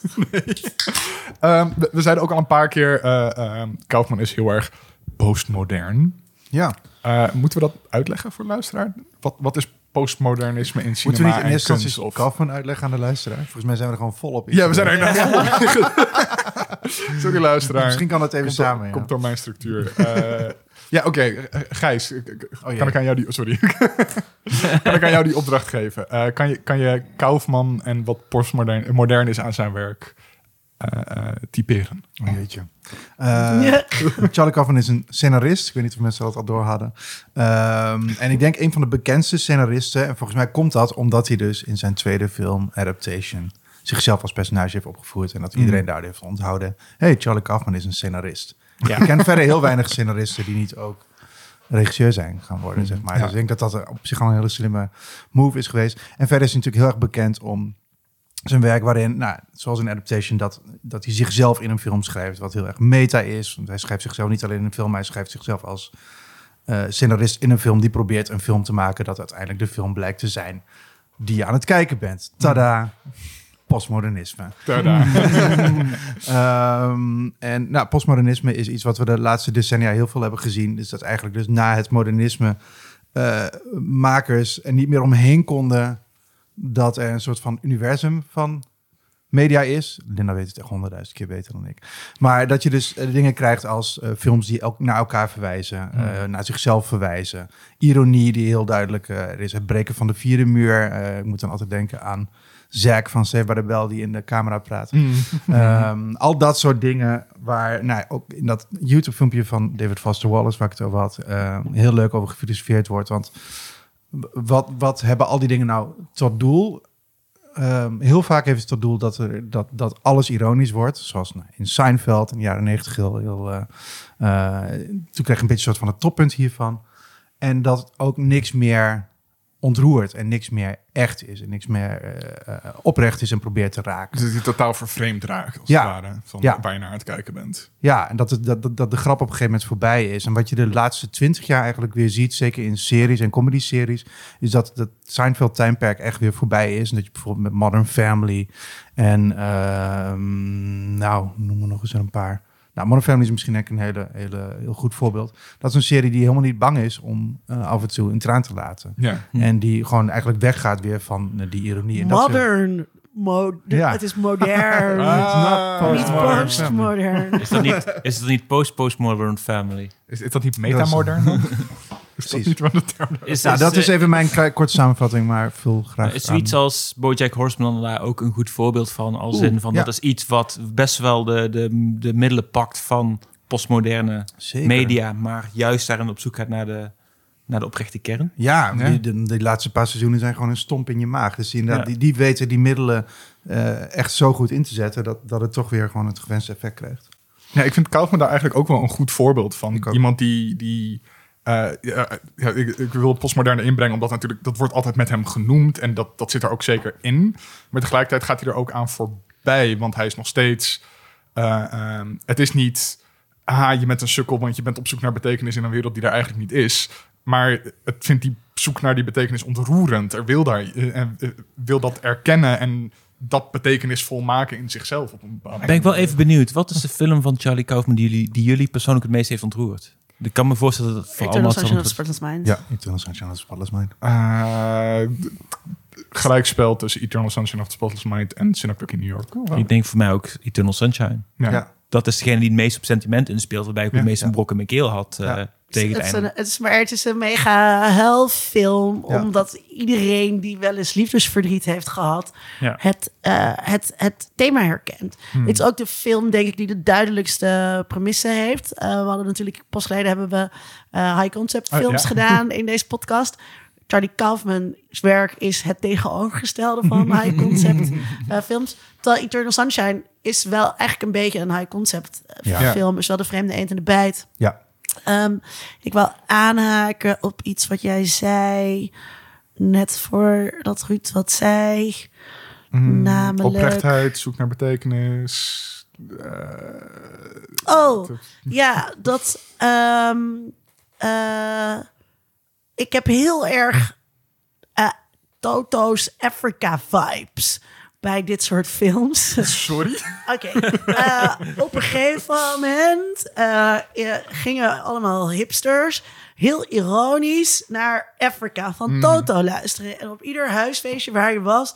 Dit- is mijn hele studententijd, ja. Oké, en aan het begin was dat heel ironisch. Ja. Haha, dit slechte nummer van muziek die mijn vader leuk vindt... dat gaan we ons nu toe-eigenen. Totdat op een gegeven moment, want zo is dat nummer ook wel weer. En het is ook gewoon een lekker, lekker deuntje. Ja. Waarin mensen, en die deden dus wel alsof ze het ironisch leuk vonden, maar ze vonden het eigenlijk gewoon leuk. Ja. En dat is ook een beetje wat ik met deze films heb en het postmodernisme, wat daar dan in zou zitten. Ehm, heel veel mensen die postmodernisme haten, vinden dit soort films heel interessant. Echt? Het gaat, denk ik, dat denk ik, dat is mijn, dat is mijn these. Die gooi ik, die gooi ik hier even neer. Het gaat over getergde witte hetero mannen. Hè, Het leven zit hen niet mee. Het is het, het- de Jordan Peterson demographic. Absoluut. En ik denk dat, dat dat soort mannen ook wegloopt met dit soort films. En dan is dus al dat wat ogenschijnlijk ironisch was, in één keer helemaal niet meer ironisch. Hmm. Eh, maar dan heb je dus gewoon, ja, Ook een- een beetje het, Charlie, nee, het eh, Archie Bunker effect dan. Ja, het, gaat, het, neemt, het neemt, de, het steekt de draak met een bepaalde demografie, Ja. maar op een gegeven moment zien die dat juist als geuze Ja. ding. ja, El loopt ze Bundy ook, uh. Married with Children, wat trouwens ook een heel postmoderne serie Ja. ehm, eh, was. En dat is denk ik ook wel iets wat me dus zo bij Adaptation bijvoorbeeld tegenstond. En ook wat ik, dat ik, eh, waardoor ik toen net naar eh, eh, zien, zien, Synecdoche. zat te kijken, dacht ik, oh, ik wil dit. Toen ik dat weer zat te kijken opnieuw, dacht ik, oh, ik wil dit helemaal niet. Ik wil helemaal niet met deze blik deze film voor mij verpesten. Want ik vond het een goede film. Ja, want wij hebben hem samen gezien een keer. Ja, ik bleek hem we dus al gezien te hebben. Ruud. Ja. Eh, En toen liepen we naar buiten en we vonden het echt fantastisch. Ja, Ja. en dus ik, ik, wil, ik wil dat niet laten verpesten door Toto Africa. Ik snap het. Het is ook wel. Ik, had wel, ik had bij die film het, ook wel Is het zoiets. ironisch? Ja, ja ik, nee, ik, ik snap dat niet zo goed. Zeg maar, de, de complete analogie met Todo Africa, dan zou je een film als, daar kom ik nou niet op, maar gewoon een slechte film je toe-eigenen. Nee, nee, nee. Nee het gaat dus maar niet over. Nee, het gaat dus over dat je eerst. eh, eh, is, eerst is je voorkeur voor iets gebaseerd op ironie en een spel. En haha, kijk eens hoe dit. Maar, als je, maar op een gegeven Ja. moment ga je, is die ironie weg. En dan vind je het toch leuk voor wat het is. Namelijk de, dat lekkere bietje. Of toch gewoon dat je mee wil leven met een getergde, eh, geflopte, Oh, witte, witte ja. hetero man. Malkovich is dat denk ik wel. Die, die eerste paar keer dat ik die keek was dat gewoon... oh ja, lekker, die gekke, dat gekke kantoor...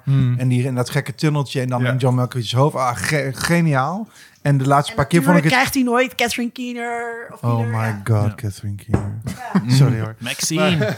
Ja. Ja, oh, nou ja. ja ik, Maar, dan, maar, dan, maar, maar, maar je staat ook, het is ook gewoon die gore gast op kantoor die de hele tijd zit te loeren naar, iets op- naar, naar iets op Catherine mij. Iets wat mij destijds niet opviel, omdat het eh, eh, ding is, eh, die acteur is, John, John Cusack. John Ja. Cusack, was van, hey, dit is eigenlijk best wel een smerige persoon. en Ja, nu ja. zie ik dat er veel meer in. Ja. En kan ik er op die voorwaarden juist van genieten dat het iemand is die Ja. eigenlijk helemaal niet zo sympathiek is en zijn come-uppens krijgt. Maar ik heb nu wel inderdaad eh, je punt. De, de, ehm, ik vind dat nu echt een ontroerende film.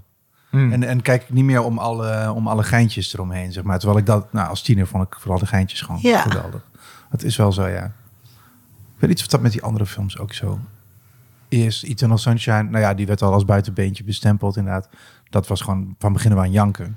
Ja. Ehm, Ja, maar dat is ook niet de meest onsympathieke Kaufman-figuur in het Nee, nee, nee. midden. Nee, Eh, ja, Jim Carrey is best wel sympathiek. Hij heeft zijn onhebbelijkheden, maar die zijn onderdeel van een wat bredere Ja. persoonlijkheid. En ik denk dat het ook Ja, gewoon hij is- goed hij is is gespeeld. door hem. volledig mens, zeg maar, met, met goede en slechte kanten. In ieder geval meer. zij ook. Ja. Ja. Ja, hij voelt niet eh, als... eh eh, en nou, ik zou niet met de Charlie Kaufman uit Adaptation... die zou ik niet tegen willen Nee, komen. z- z- zie die film dus met, eh, met, met, met Philip Seymour Hoffman in die rol. Hmm. Ik wil die film best zien, daar niet van. Eh, ook zeker Ja. met nog het eh, nog, het, nog veel verder doorgedreven einde van Charlie Kaufman zelf erin, waar je een oude Oh. hoofdpersonen hebt die na zoveel tijd nog steeds bezig zijn met elkaar te wissen en dat soort dingen, tot Hmm. in, per, ja, in perpe- perpetuity. Perpetuum immobile. dat soort Precies. dingen. Eh, maar eh, het zou me interessant lijken. Maar aan de andere kant ben ik super blij dat Michel Gondry heeft gezegd van nee, we zetten hier heel sympathieke eh, acteurs neer die deze rollen gaan spelen. En dat vind ik een hele fijne film om naar te kijken daardoor. Ja. En daardoor ook degene waar ik het meeste bij voel, misschien. Ja, Terwijl ik had dat ook niet willen zien met, eh, hoe heet die acteur van I'm Thinking About Ending Things? Jesse Plemons. Ja, Had ik, dat, had, dat was heel anders geweest. Ja. Ja. Dat heel goed kunnen zijn, maar had je er überhaupt in mee kunnen gaan? ja. In zijn, zijn, zijn spijt van dat hij een verkeerde Vinden beslissing jullie trouwens ook dat hij heel erg op Matt Damon lijkt? ja, Jesse. Plemons? Ja. maar de- dit is, de, de, de- er zijn allemaal mashups tussen... Oh, eh, eh, hij is een soort liefdesbaby tussen Matt Damon en Philip Seymour Hoffman. Philip Seymour De, het, de, ja. de, de, de middelste tussen in zo'n zo morph, zeg Ja, maar. ja, Ja, ja, Eh, eh, er, er kwam net al even ter sprake eh, dat er ook vrouwen in Kaufman's films zitten. Catherine Keener. ja, Catherine Keener vooral. Ja. Love her. I love Ja, echt. her. Ja, fantastisch. Ja. ehm, maar wat, wat voor rol spelen die vrouwen in Kaufman films? In, in I'm Thinking of Ending Things is het niet echt een vrouw. En daarvoor Nee. alleen maar meer kudos voor, voor Jessie Buckley dat ze dat heeft kunnen spelen. Want ze speelt echt gewoon een figment of his imagination. Ja, Uh, spoilers, eh, kom op, kijk die film. ja. Maar ehm, het is geen echte persoon. Het is projectie en ze verandert continu. En op een gegeven moment doet ze een imitatie van Pauline Kael. Waarom de fuck doet iemand dat in een film? Vind ik heerlijk. Dat is, dat is iets Ja. waar ik op stuk ga. Maar het is wel... Ik durf dit er wel in te gooien. Geen van alle vrouwen die we zien zijn eh, echte vrouwen. Nee, nee, dat, dat wilde ik inderdaad, inderdaad naartoe. Dat I'm Thinking of Ending Things is, is een soort van Charlie Kaufman die nog een keertje op een rij zit van... Dit is de rol die vrouwen spelen voor alle mannen die ooit een hoofdpersoon geweest zijn in mijn films. Ja. Ja, maar ze zijn ook niet, ze, ze zijn niet per se een wish fulfillment. Wat je meestal krijgt in dit soort dingen, zijn juist een, een vorm van bestraffing van de hoofdpersoon. Ja, ja, is wel een, en dat eh, maakt het wel altijd interessant. die onzekere man. eh, Maar, ja, maar, ja, ja, ja, ook, maar ook, ik was dus heel erg... Dat zijn sowieso geen feministische films. Maar het, is ook, het neigt echt best wel een beetje naar vrouwenhaat. Eh, juist, juist omdat die vrouwen dus allemaal niet echt zijn. Dit zijn allemaal creaties, hersenspinsels, projecties, invullingen van wat vrouwen zijn. Geen van die vrouwen zijn dus echte vrouwen. En die vrouwen zijn er dus vaak ook wel op uit om die hoofdpersonen een beetje te kwellen. Ehm, dat is ik heb ook niet- ik heb ook prettig voor mij als vrouw. Snap ik. Als ik daar naar kijk, is dat geen prettig vrouwbeeld. Nee, maar ik heb ook niet het idee dat hij het maskeert alsof dat het echte vrouwen zouden moeten voor, voorstellen. En dat, dat pleit enigszins voor hem. mm, eh, eh, mm, Het is zo ik- postmodernistisch dat ik wel eruit haal van... hij ziet niet dat, dat, dat vrouwen op deze manier eh, eh, er zijn om mij te bestraffen. Het is maar altijd wat de, wat de man ervan maakt in de Ja. film, zeg maar. Het zijn Ja, altijd... Het is geen wereldbeeld. Ja, eh, en dat, dat is ook ehm, in Eternal Sunshine of the Spotless Mind... eh, wordt vaak aangedragen als voorbeeld van de Manic Pixie Dream Girl. En dat is het tot op zekere hoogte. Want voor eh, ehm, dat karakter van eh, Jim Carrey, Joel... Ja. ehm, is hij een soort van... zij kan mijn leven kleur geven. Ja. hij projecteert heel veel op haar. Ja. Zij moet heel veel zijn voor hem in die relatie. Ehm, maar zij geeft dat ook wel aan. De film speelt daarmee met, met dat gegeven. Dat, dat die vrouw die rol vervult. En dat zie ik denk ik ook wel terug in al zijn andere films. Als ik een soort van sympathiek probeer te Ja, lezen. maar zeker daar. Ik moest er ook, toen ik nou van de week dus inderdaad Eternal Sunshine aan het kijken was. ehm, een, bel- een belangrijk component van de Manic Pixie Dream Girl is dat de, de man haar niks te bieden heeft. En dat ze toch eh, op een manier voor hem valt. Dat is daar ook heel duidelijk. Maar op een Het gegeven moment zegt ze...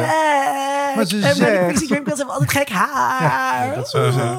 Maar ze zegt gewoon, he's boring op een gegeven moment. Dus ze, het is bij haar heel duidelijk dat hij haar ook niks te bieden heeft. En daarom gaat ze weg. Dus ik vind het ook al een interessant inkijkje. De meeste films ontmoeten het saaie man, ontmoeten Man- Manic Pixie Dream Girl. Ja, ze hebben een geweldige week, einde film. En hier zie je ook gewoon dat die twee geen relatie kunnen hebben. Dat ze daarom bij hem weggaat. En- ik, want, want jullie zeggen van eh, het is steeds wel duidelijk of zo dat die vrouwen niet als echt bedoeld zijn. Ehm, als vrouw. Oh, gadver. Waarom zeg ik zo? Ik wil, want zo identificeer ik me helemaal niet zo. Maar eh, kijk, je daar toch, kijk je daar toch anders naar? Want dit is wel waar we het mee moeten doen, godverdomme. Ja. Weet je wel? Dus er zijn maar weinig vrouwelijke schrijvers. Er zijn maar weinig vrouwelijke regisseurs. Dus ik moet hier, ik moet naar die film kijken. Ik heb ook wel eens liefdesverdriet gehad. En eh, dus de meest voor de hand liggende identificatie voor mij is toch met deze Manic Pixie Dream Girl, die dus helemaal niet bestaat. En ik heb dat nooit zo gezien als, nee, dit is een projectie van, eh, ge- van een gefrustreerde mannelijke schrijver. Nee, dit zijn dit toch wel echt, toen ik die film voor het eerst zag, eh, eh, van dit zijn twee gelijkwaardige personages in deze film. Want we zien het ene keer vanuit haar, de ene keer vanuit hem. Het is helemaal niet zo voor de hand liggend dat... Nee, het is echt vanuit hem inderdaad. dat het, ja. maar en helemaal dus niet dat dat, eh, dat dat duidelijk wordt gemaakt van... hey, deze film is vanuit het mannelijk perspectief. Dat wordt bijna namelijk nooit duidelijk gemaakt, dat films vanuit mannelijk... Nee, dit is gewoon hoe de film is. En dan moet je het als vrouw er maar mee doen. Ja, dat, dat, is best, dat is toch best wel storend. Ja. Zit nu ook met dat dirty, dirty, die Dirty Lines, eh, die 06 eh sekslijn film Ja, ja, ja. eh, serie die ik had gekeken. Ehm, waarbij ik me dus ook de hele tijd zat achtervragen. Ik zei, nou, volgens mij is het door een man geschreven. en toen zat ik dus vandaag met hem op de radio. En, en toen in het voorgesprek vroeg de redacteur ook van... maar waarom dacht je dat dan? Of waar haal je dat dan uit? Ja, die vrouw, haar overkomt alleen maar dingen. Eh, en ze heeft, ze heeft uiteindelijk weinig agency. En niet dat ik vind dat... Ik, eh, eh, dat is niet mijn feminisme. Dat ik vind dat alleen vrouwen vrouwen kunnen schrijven. Of weet ik veel. Maar het is hier in die Kaufman films... Daar zit, er zit echt...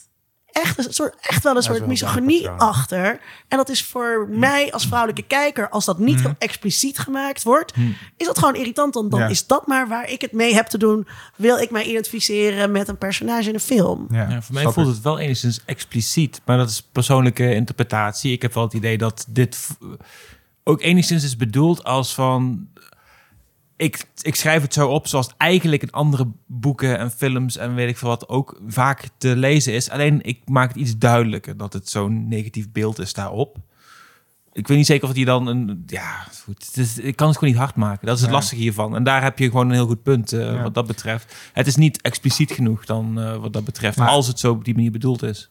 Ja, is I'm Thinking of Ending Things dan een soort van rectificatie? Daar vind ik het super dan? expliciet. Daar is Ja, het draait heel. Nee, maar dat, maar, maar dat bedoel ja. ik. Dat, maar dat, dat, dat bedoel ik van. Is dat een soort van of voortschrijdend inzicht van hem, of dat hij nog een keertje terugkomt op die thema en zegt van nee, maar Ah, echt zo. dit is wat ik bedoelde. Ja, ja, ja, zo. Nou ja, dat, ho- dat hoop ik dan. Ja. Maar want als je die film hebt gekeken, dan kan je daar niet meer omheen. En dat Nee. betekent dus ook wel wat ik, van wat ik net zei over dat, je, dat we dus eigenlijk Nou, geen regisseursafleveringen moeten maken. Dat je gaat dan dus ook die andere films bekijken door de lens van die ene film die je Ja. weer gezien Ja. hebt. Ja, dat heb Je gaat al die dingen met elkaar- En daarom kan ik misschien datgene eh, zeggen net wat ik heb gezegd. En Ja, dus dat en dat en, eh, Maar ik denk niet dat hij daar een- van begin een- af aan al zo, zo heel erg mee bezig was. Bijvoorbeeld zo'n Lottie en eh, de Cameron Diaz rol in eh Oh God, ja. Being John Malkovich... is toch net een wat andere slagvrouw in zijn films. Dat maar, is, maar die, dat is dus ook wel... Dus- eh, ja. Hallo, het is... ehm, hoe heet ze? Cameron Diaz. Ja, kan Ja. ja. ja. Cameron Diaz. Een van de knapste vrouwen ter wereld. En die is dan een soort van lelijk gemaakt. maar dat is toch de rol. grap in die Maar- film? ja, maar het is nog steeds een van de knapste vrouwen ter wereld. Weet je wel? En dat... En, eh, dat zij dan dus met, eh, John, met zo'n ver, verfuckte John Cusack zou zijn. Ja, dat... Ja, dat, is, dat, is, eh, dat is de fantasie van zo'n Jordan Peterson-achtige gast. Op een zolderkamertje die zichzelf zegt... Ah, ik kan niks, want je vrouwen houden niet van mij. Ja. Maar eh, in mijn fantasie ben ik wel. Met Cameron Diaz die dan geen make-up op heeft. En, en, en pluishaar heeft of zo. Ja, ja. Maar Dat John vond ik toen Cusack trouwens ook wel irritant toen ik de eerste keer die film zag. Cusack op zijn beste dag zou best wel een date met, met Cameron Diaz kunnen scoren. Sowieso, maar Cusack is natuurlijk ook lelijk gemaakt Ja, eh, voor dus die maar film. als je, als je ze allebei lelijker maakt. Maar, maar de bedoeling van dat personage is eh, toch, denk ik wel ook dat Iedereen lelijke, kan Cameron lelijke Diaz. mannelijke kijkers Ja, ja, ja, daar, ja, ja, daar ja, ja, ingang in kunnen Dat er een vinden. standing kan zijn op een bepaalde manier. Ja. ja, Ehm, ik, ik vroeg me dan ook wel af met... Ook, we hadden het net al over... Charlie Kaufman heeft niet een al te best beeld van zichzelf, zijn leven, zijn kunst. Uh, Of maar ook, juist wel dus. Of juist wel. Ehm, maar eh, alles wat bij hem over liefde gaat... gaat over projectie. Iemand anders nodig hebben om je te valideren. Om eh, je een gevoel van eigenwaarde te geven. Dus alle liefde is alleen maar een vorm van erkenning krijgen. Ja, het is niet Het dat je samensmelt tot. bijna. Ja, het is, het is niet dat je een soort van samensmelt tot een gezamenlijke identiteit of wat dan ook. Het gaat puur om de twee afzonderlijke ten opzichte van elkaar. Ik denk Ja. dat daar best veel waarheid in zit. Ja, dus daarom denk ik dus ook dat eh, het is een soort koketteren met een laag zelfbeeld, terwijl die ondertussen dus heel narcistisch is. Maar je ziet ook in uh, uh, Synecdoche in New York gaat het ook wel allebei de kanten op, denk ik, in die Maar daar krijgt hij ook Eh, Michelle Williams. Wie is Michelle Williams? Toch. Michelle Ja, ja, Williams? zeker, zeker, ja, Ja, ja. vrouwen gooien zich wel op hem, inderdaad. Ja. Ehm, maar ik bedoel meer met de relatie met Catherine Keener in het begin. Dat zij geven elkaar die, die validatie de hele tijd niet. En dat is waarom het stuk loopt uiteindelijk. Omdat Ja. zij eh, ehm, niet de erkenning geven aan elkaar voor hun- het werk dat ze doen. Ehm, vooral vanuit Catherine Keeners karakter dan dat ze niet eens opkomt dagen voor een première. Eh, Hij komt morgen. Ja, hey, hoe was het? Dat is zo Ja. goed. Ja, de recensie is supergoed. Ah, oké, cool. Zo dodelijk. Ja, ik vind het gewoon eigenlijk een beetje een stom Oh. idee. Dit is het toneelstuk van jou. Dat zij dat ook zou zeggen. Ja. Maar het interessante Oh. is ook wel dat juist in die, eh, in, eh, best wel veel van deze eh, dingen die hij heeft gemaakt, dat, dat die kunstenaar die in het midden staat wel validatie krijgt. Ja. Als in, Ja, maar dat is dus ook dus inderdaad. Hij speelt een soort geter- elke keer een soort getergde kunstenaar. Ja, maar- die wel de, de, de, het succes de krijgt. genius en de krijgt. chicks krijgt. Ja, En dan nog maar die bestaan toch ook blijft gewoon? huilen.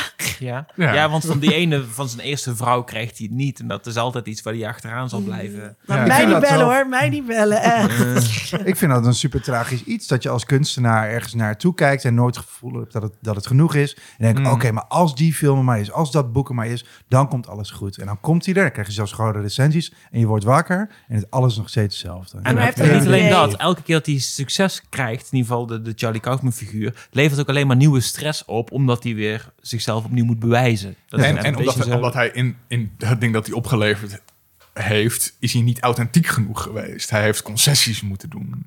Ja. Ja, Behalve John Malkovich, de puppeteer, in Being John Malkovich. Wat, wat ik ook een interessante vind, dan kan hij in iemand anders gedachten, kan hij maken wat hij wil. En wat doet hij?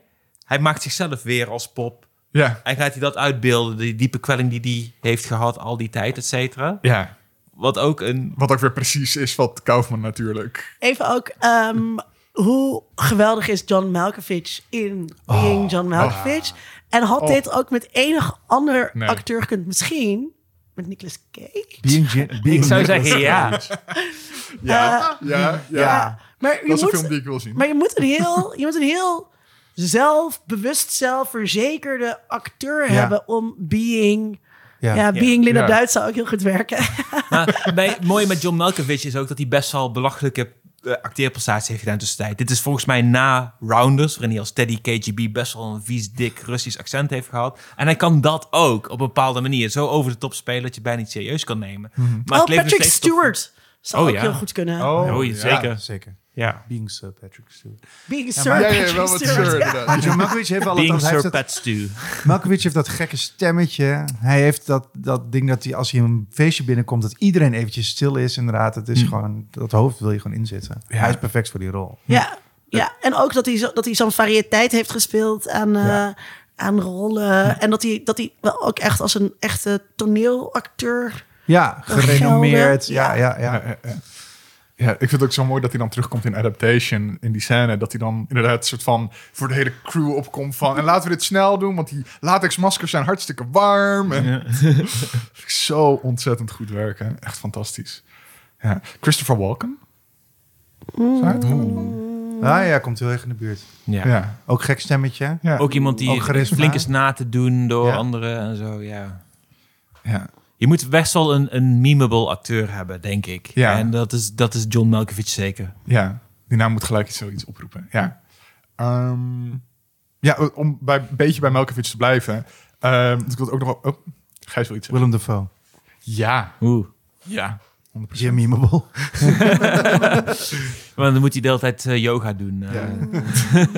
Oh, Linda. Linda vindt van niet. Nee, die vind ik toch minder gelaagd als acteur, denk ik. Ja.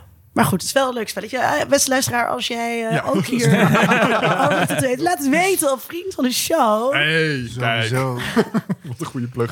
Eh, Ik denk misschien als hij nu zou gemaakt worden dat Being eh, Adam Driver een interessante zou kunnen zijn. Oké, ja. Eh, ja. Sorry, ik gooi er toch nog één in. Laten we verder Being. Timothy Chalamet. Oké.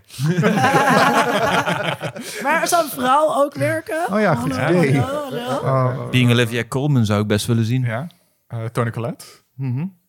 Catherine Keener. Nee man, eh, Keener. eh, eh, Tilda Swinton. Oeh, ja. Ja, vet. Dat, dat is hem. Dat is de enige. Ik, heb, ik, Dat denk, is de ik, enige. ik, denk, ik denk dat dit, dit- dit- deze bit nu wel klaar is. Voor. Laten we de rest van de aflevering dit blijven doen. Dat, dat, dat Tilda. Swinton in het hoofd gaat van Tilda Swinton en dat, dat krijgt Bowie, Bowie, Bowie, Bowie. Nee, Wil je nou meer over horen? We zetten een bonusaflevering online waarin we dit gewoon voor een uur gaan doen. Ehm, goed. De, die, die werelden die Kaufman neerzet in zijn film zijn allemaal soort super surrealistisch. Terwijl ze eigenlijk tegelijkertijd ook best gegrond zijn. Weer, het is altijd een hele gekke spanning tussen... Super alledaags. Het is heel alledaags, maar het is totaal absurd en surrealistisch. Je bent op een kantoor, super normale baan aan het doen, maar het plafond is een halve meter lager. En er zit een deurtje naar het hoofd van John Maar Malkovich. dat, maar dat, en dat werkt dus juist omdat die, die, die, die cinematografie zo... Dus het is altijd bewolkt. Eh, iedereen... eh, eigenlijk heeft niemand ooit echt make-up op of zo. Het is super Ehm, naturalistisch. Ja, en, en dus daardoor werkt juist, denk ik, die vervreemding van de realiteit. Ja, Het best is wel veel film- is handheld gefilmd. Er zijn Ja. allemaal die dingen die, die, die het eruit laat zien, bijna als een documentaire. En dan gaat het ineens los met allemaal Het is, heel, dingen. het is heel moeilijk om zo'n kantoor als uit Being John Malkovich... om dat, eh, er, er, om dat te doen als iets zo gelikt eruit ziet als eh The Hills... of eh, eh, als, als een Marvel-film of Ik zo. kan me iets dat nu gemaakt wordt. Wat ik zeg kan je? Überhaupt iets dat nu gemaakt wordt. Het zou nu heel raar uitzien. denk ik. Nou, er zijn best wel wat mensen die vinden de laatste paar films van eh Kaufman te veel op his own ass, om het zo maar te noemen. En ik heb wel het idee dat hij daar stilistisch wel verder gaat en het wat gelikter maakt, zelf als regisseur. Dat hij Ja. voor strakkere beelden gaat Nou en ja, zo. I'm thinking of ending things, dat is best wel gestileerd. Heel ja, erg. ja, heel erg. Ja. Ja. En ik Maar vind dit- dat ook wel vervreemd. Over die werelden, ik vind het wel heel goed. Het wordt altijd benoemd. Dus er zit een kantoor op een 7,5 verdieping. Dan worden dan, ja, er zijn weinig overheidkosten. en, en bij eh Synecdoche, dan even, heel even denk je, gaan ze het nog benoemen? Dan gaat zijn huis kopen dat in de fik staat. Ja. Letterlijk. Ja. Overal brandjes en zo. En heel veel andere regisseurs of schrijvers die zouden daar gewoon een metafoor van maken en daar niks mee doen. En op een gegeven moment is het dan van ja, ik twijfel wel een beetje over de brand hier. Of, dat, ik daar niet aan ga sterven. Nee, het is zeg wel maar. belangrijk is om gewoon- je eigen dood te kunnen kiezen. Ja, Ja, ja, ja. Ja. maar dat vind ik wel heel goed. En daardoor wordt het ook meer, weet je wel, is to- toch in een wereld, in de wereld van spelletjes die hij creëert, zijn er toch vrij weinig spelletjes. Hij laat je heel even zweven en dan is vrij snel weer van, oh, maar dit zijn de regels. En oh, iedereen weet dat dit huis in de fik staat. En oké, nou, dan vinden we dat vanaf nu normaal. En Dat vind ik ook wel ehm, fijn, zeg maar in tegenover, tegenover een lynch of zo. Terwijl ehm, helemaal... in I'm Thinking About Ending Things, wat toch meer een soort Lynch vibe heeft. Mm. Eh, tenminste, ik keek hem eh, vandaag, gisteren vandaag voor de eerste keer. Toen begreep ik ook, je moet hem eigenlijk meerdere keren kijken. Vind ik Ja. ook, is ook wel interessant misschien voor een aflevering over eh, review films. Films die meerdere keren moet Cool. kijken om ze te kunnen vatten. En toen Ja. las ik ook een interview met Kaufman. Waarin hij zei, nee, maar eigenlijk is alles, eh, eigenlijk is alles wel uitgelegd. En eh, ik, heb, ik heb de film zo gemaakt dat iedereen het toch meteen moet snappen. Doet hij altijd. Ja. Terwijl ik dat hier niet had. Terwijl bij Adaptation bijvoorbeeld... Ja, dat was, het was heel Ja, snel duidelijk. duidelijk. Ja, maar wat daar, die is ook wel vrij wat, toegankelijk. Maar wat ook zelfs daar, een, wat, eh, daar, wat daar de grap was of zo. Dus ik vond dit wel meer een Lynch-achtige film. Qua Zeker. ehm, eh, eh, eh, symboliek die erin zat. Het spel met eh, eh, tekens dat er gevoerd wordt. Diepere lagen. Ik had hem volgens mij de eerste keer dat ik hem zag, wel, had ik hem zo halverwege wel door. Van we kijken gewoon naar eh, de herinnering van die conciërge. Mm. Ehm, maar hij is wel, eh, maar je kunt er makkelijk overheen kijken. Bij ehm Eternal Sunshine keek ik overheen dat eigenlijk het eerste deel van de film eigenlijk het laatste deel van de film is. Mm. Dat had ik echt heel laat pas door. Mhm. Terwijl ik nu opnieuw keek. Hij is super eerlijk. Hij Ja. zegt inderdaad gewoon, dit is Valentijnsdag. Kwartier later zeggen we, oh, over een paar dagen is Valentijnsdag, hetzelfde jaar. Of Ja. ja, jaar Ja. ervoor zelfs. Gewoon, Ja. maar En, als eh, kijker kijk je daar zo overheen. Ze het ontmoeten elkaar voor het eerst. Later wordt er gezegd van, we moeten elkaar daar op dat feestje. Ja. Dat met die Ja. autobotsing zit Ja. er tussendoor. Al- Allemaal van die kleine hints en zo. En toch... Het is heel vaak super eerlijk, maar, toch, ja, maar dan zo subtiel dat je er makkelijk overheen kan kijken. Dat Dus ik een interessant. key met eh, data eh, in het begin van de film. Oh man, dat had ik dus vandaag pas door. Toen ik. Oh ja. Dat dan die, binnen een paar seconden gaat er, wordt, een, wordt het de volgende minuut. En hij kijkt een paar keer naar, naar de krant. En is het de 12 datum september, dan is het elke een keer 8 oktober en dat soort dingen. De eerste keer compleet aan voorbij gegaan. Ja.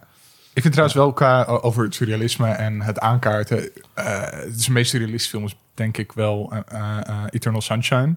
Omdat het soort van realistisch? ja, omdat er een soort droomlogica zit. Dus het, het vloeit op een bepaalde manier die, die, die zijn andere films denk ik niet hebben. Scènes gaan heel gek in elkaar over. eh, ja, dat is maar zonder Michel dat je Gondry die helemaal los erop kan gaan. Ja, maar, maar het, het- ik vind dat fantastisch werk. Die film vloeit op een manier die die, die andere films niet doen. Ja. Maar je, Je hebt merkt altijd door wat er aan de hand is. Je hebt Ja, altijd door wat er aan de hand ja. is. Maar tegelijkertijd kan hij zonder uitleg gewoon van locatie, van tijd, Ja. van Ja. wat dan ook, kan hij gewoon tak, tak, tak Ja. door. En je hebt precies door wat er gebeurt. Maar je Ik ziet vind, daar ook het, dat... ik vind het idee zo... Misschien is dat het. Ik vind het idee zo echt. Hmm. Dat, ehm, ja, ik, ik, ja, ik, bedoel, ik weet, hebben jullie wel eens echt liefdesverdriet gehad? Oh, dat, ja. dat, Ja, sure. Het is het meest basale liefdesverdriet idee. Namelijk, ik wou... Dit, dat, ik wou dat, dit, dit hele, dat die hele pijn uit mijn hoofd gesneden werd. En dat betekent dat al, alles... En ergens op een punt, als je liefdesverdriet hebt, denk ik dat iedereen dat dus wel eens denkt. En dan denk je al heel snel: nee, nee, nee, nee, nee. Want dan ben ik ook, Ja, ben ik ook al die andere dingen kwijt. Terwijl bijvoorbeeld, Sinek- Doc- Dokkie. Connector Dokkie. Ja. eh, New York vind ik het meest surrealistisch. Ja, ik ook. Omdat daar ehm, eh, het, het, het zo eh, escaleert. Ja, alle ja, alle kanten uit. En die tijd zo snel gaat. En je dat dus ook door hebt. Ehm, ik- ja. Ja, Ja, ik, ik, oké. ja, ik Ja, zou dus eerder zeggen Ja, dat, dat het het me, dat Eternal Sunshine het meest realistisch is. Ik vind het lastig. Je zou, je zou Ja, een, case kunnen maken dat Adaptation het eh, meest surrealistisch is... omdat hij het meeste flirt met de werkelijkheid. En daar juist weer een variatie op geeft... die, die duidelijk uit zijn hoofd komt. En ja... Sorry hoor, maar ja. Nu komen we Kijk, nog een... een scenarist die een, die, eh, die, een, die een film maakt, dat kan ik snappen. Een stukje uit je hersenen snijden, dat, dat zie ik in, over twintig jaar ook wel gebeuren. En in een sporthal heel New York nabouwen, nou ja, Nee, vooruit. Via een tunnel in het hoofd van, Bien- van John komen is denk ik toch het meest surrealistische. Ja, misschien is dat wel waar. Ja. Sorry, dat doe ik elke dag. Je hebt, je hebt misschien... Misschien zitten wij nu wel allemaal Ja, ja. In iemands hoofd. Malkovich, Zitten jullie allemaal in mijn hoofd? Duits, Duits. Duits, Duits. Gezellig, jongens. Welkom. Ehm, hebben jullie nog eh, andere dingen die ter tafel moeten komen? Ehm, even kijken hoor. Mm, Ehm, nou heb- ja, eh, toen we in de podcast met uh, in, in Duimpje Worstelen met Ruud hadden het heel erg over eh, Woody Allen en Ja. de getergdheid daarvan. Eh, of de, eh, de, de, de, de getergde voice-over, neurotisch personage. Die altijd ook de schrijver is. Ja, Ja. en dus ik ben, wel, ik ben wel Ja. benieuwd eigenlijk. Wij, wij hebben daar dus al over gesproken. Wat, wat, je- wat, je- wat jullie, uh, Schijs en Tom, wat jullie daarvan vinden. Van die vergelijking met Woody Allen. Oh, die vergelijking. Die, ja, die snap ik wel. Het is, wel, het is vooral het deel van Charlie Kaufman's werk waar ik minst mening over heb. Ik snap dat mensen heel op afknappen. Om neurotische, je hebt het ook al een paar keer genoemd, van Mm. eh, oh, die zielige mannen en zo. Ik denk van ja, er zijn films over zielige mannen en er zijn films over neurotische mannen. En toevallig zijn, niet toevallig zijn die allemaal, zijn alle Charlie Kaufman films gaan daar ook over. Maar het is een deel waar ik helemaal niet echt op aansla en gewoon zeg maar een beetje ter kennisgeving aanneem. Hmm. Ja, niet, niet heel storend vind, ook niet per se heel vet vind of zo. Nee, Dus, gewoon niet het belangrijkste deel van zijn Nee. werk. eh. Ja, ik, ik denk dat er een, een case valt te maken voor zonder Woody Allen was er geen Charlie Kaufman geweest. In ieder geval die zich zo had gevoeld om dit soort dingen in films te kunnen eh, brengen. Maar ik weet ook niet of dat, dat die, die, die vergelijking me het meeste opvalt als ik naar al zijn films kijk. Nee, maar ik, maar ik snap hem tegelijkertijd wel. Want ik bedoel, Woody Allen speelt ook heel erg met de filosofie van, van, van ze zijn komen ook allebei tijd. uit de van- comedyhoek. van- Ja, Woody Allen was ook een stand-up comedian. Ja. Ja. ja. Oké. Maar verder heb ik niet gemeen. Ik, ik ben ook niet bekend genoeg met, met Woody Allen's films. Daar ben ik op een gegeven moment een beetje op afgeknapt. Laten we daar ook geen... Goh. geen laten we daar, Hoe komt dat? Ik denk wat dat daar betreft dat geen regisseursaflevering over maken. een, een, een Nee. vergelijking tussen Annie Hall, wat ook best wel een film is met veel stijl, eh, experimenten, en een Manic Pixie Dream Girl Ja, ja. erin. Laat zich heel erg vergelijken met heel veel dingen van, van, van Charlie Kaufman. En ja misschien, dat snap ik wel. ja. Ja. misschien wel wat specifieks met eh, eh, Eternal Sunshine voor een deel. Alhoewel ik wel Jim Carrey een stuk sympathieker vind dan. Dan, ja, ja. eh, Maar dat is ook met de kennis van nu natuurlijk. Hè? Nee, maar ook, ook als personage. Maar Ja. dat, en dat, oké, dat is dan nog wel misschien een laatste, of oh, misschien had ik het al een beetje gevraagd. Vinden jullie dat die films dus de tand des tijds doorstaan? 100 ja. ja, ja. Ik vind Being John Malkovich, ik, ik heb die denk ik sinds... eh, eh, ik denk toen ik 14 was bij CKV op de middelbare school heb ik die moeten kijken een keer. En volgens mij zat ik toen echt van, of sorry wat. Eh, en nu, nu voor het eerst herkeken, fantastisch. Ja, gewoon voor mij had hij nu uit mogen komen. En dan had ik hem ook nog fantastisch gevonden. Ik twijfel daarbij een klein beetje over uh, Eternal Sunshine. Hmm. En, die ik Ja. ook op een bepaalde dag wel gewoon op nummer 1 kan zetten, omdat ik hem zo mooi en ontroerend vind. Maar heel vaak als ik er naar kijk, heb ik niet helemaal het gevoel dat het een film, dat het mijn Charlie Kaufman film is, maar gewoon de Charlie Kaufman film van mijn generatie. Misschien wel de film van mijn generatie. Mhm. Maar ook weer zo ingebed in, in die cultuur van, van de early 2000s. Qua soundtrack, qua hoe iedereen erbij loopt en zo. En die Ja, voelde voor mij een klein beetje... ook, ja. En, en Ja, ook, ook ik voelde me het is bijna op dezelfde manier dat je kan zeggen... eh, eh, Harry Potter is not a personality trait. Kan je ook over Eternal Sunshine of the Spotless Mind zeggen... het is geen personality trait dat jij die film leuk vindt. Juist. Omdat, op de Ja. manier waarop mensen ermee gedweept hebben. Ja, het, het ding is ook dat eh, met, met Adaptation werd duidelijk van... oh, Charlie Kaufman is Charlie Kaufman. Eh, Being John Malkovich was niet alleen een ding van Spike Jones... die Ja. best wel daar de, de, de eer voor kreeg... maar het is ook Charlie Kaufmans genie... eh, Ja. als je dat, dat, dat vindt in ieder geval... waardoor die film dat is geworden. En Eternal Sunshine of the Spotless Mind... is de eerste die het echt een groot publiek bereikte wat dat betreft... en die best wel een groot ding werd. En sindsdien is hij vooral eh, is hij zelf gaan regisseren. En het zijn allemaal ja, niet de grootste successen, om het zo maar te zeggen. Hij heeft niet die belofte van Eternal Sunshine verder waargemaakt. Het is is ook volgens mij best wel film. moeilijk nu om films gemaakt te krijgen. Ja, ja, Ik bedoel, ja. Anomalisa Mm. moest met, met, crowd, eh, met een Kickstarter eh gefund worden. Oh, wauw. Eh, ja, en I'm Thinking of Ending Things. Ja, dat is gewoon heel... Niet een groot budget. eh, nee, maar het is wel. Netflix die tegen hem zegt van hier heb je een smak geld, maak wat je wilt Maar dat is ook omdat Netflix één het- keer per jaar volgens mij tegen een soort auteur, eh, eh, filmmaker zegt... Hier is een zak geld, maak Ja. voor ons ons Oscar voor dit Maar jaar. het is Ja. toch juist koren op zijn mode. Dat, dat, Ja, dat hele adaptation laat toch ook zien dat hij een soort van Kurt Cobain ge- gekweldheid heeft met succes. Ja. En dat hij dus veel, veel lekkerder in zijn vel zit als hij afgewezen wordt. Ik, ik las ook een eh, eh, New York Times eh, profiel van hem dat geschreven was tijdens corona. Eh, heel erg in samenwerking met hem. Eh, en dat was echt aan het begin van corona. En dat ook de schrijver van dat stuk, het, het is heel meta, heel erg Charlie Kaufman gemaakt. Ook in overleg met Kaufman werd het profiel over Charlie Kaufman. Oh, een stuk over een profiel maken over Charlie Kaufman. Ehm, en dan zie je ook inderdaad wel een, bepaald soort. eh, hij, hij gaat heel goed op zijn eigen excentriciteit en op wat voor bijzondere man hij is. En iedereen om hem heen vindt dat ook heel erg fantastisch van hem. Ja. Eh, Maar het geeft hem Ja. ook een bepaalde mystiek eh, Ja. die hij zichzelf heeft gegeven. En de vraag is van, als je dat niet boeiend vindt, moet dat dan?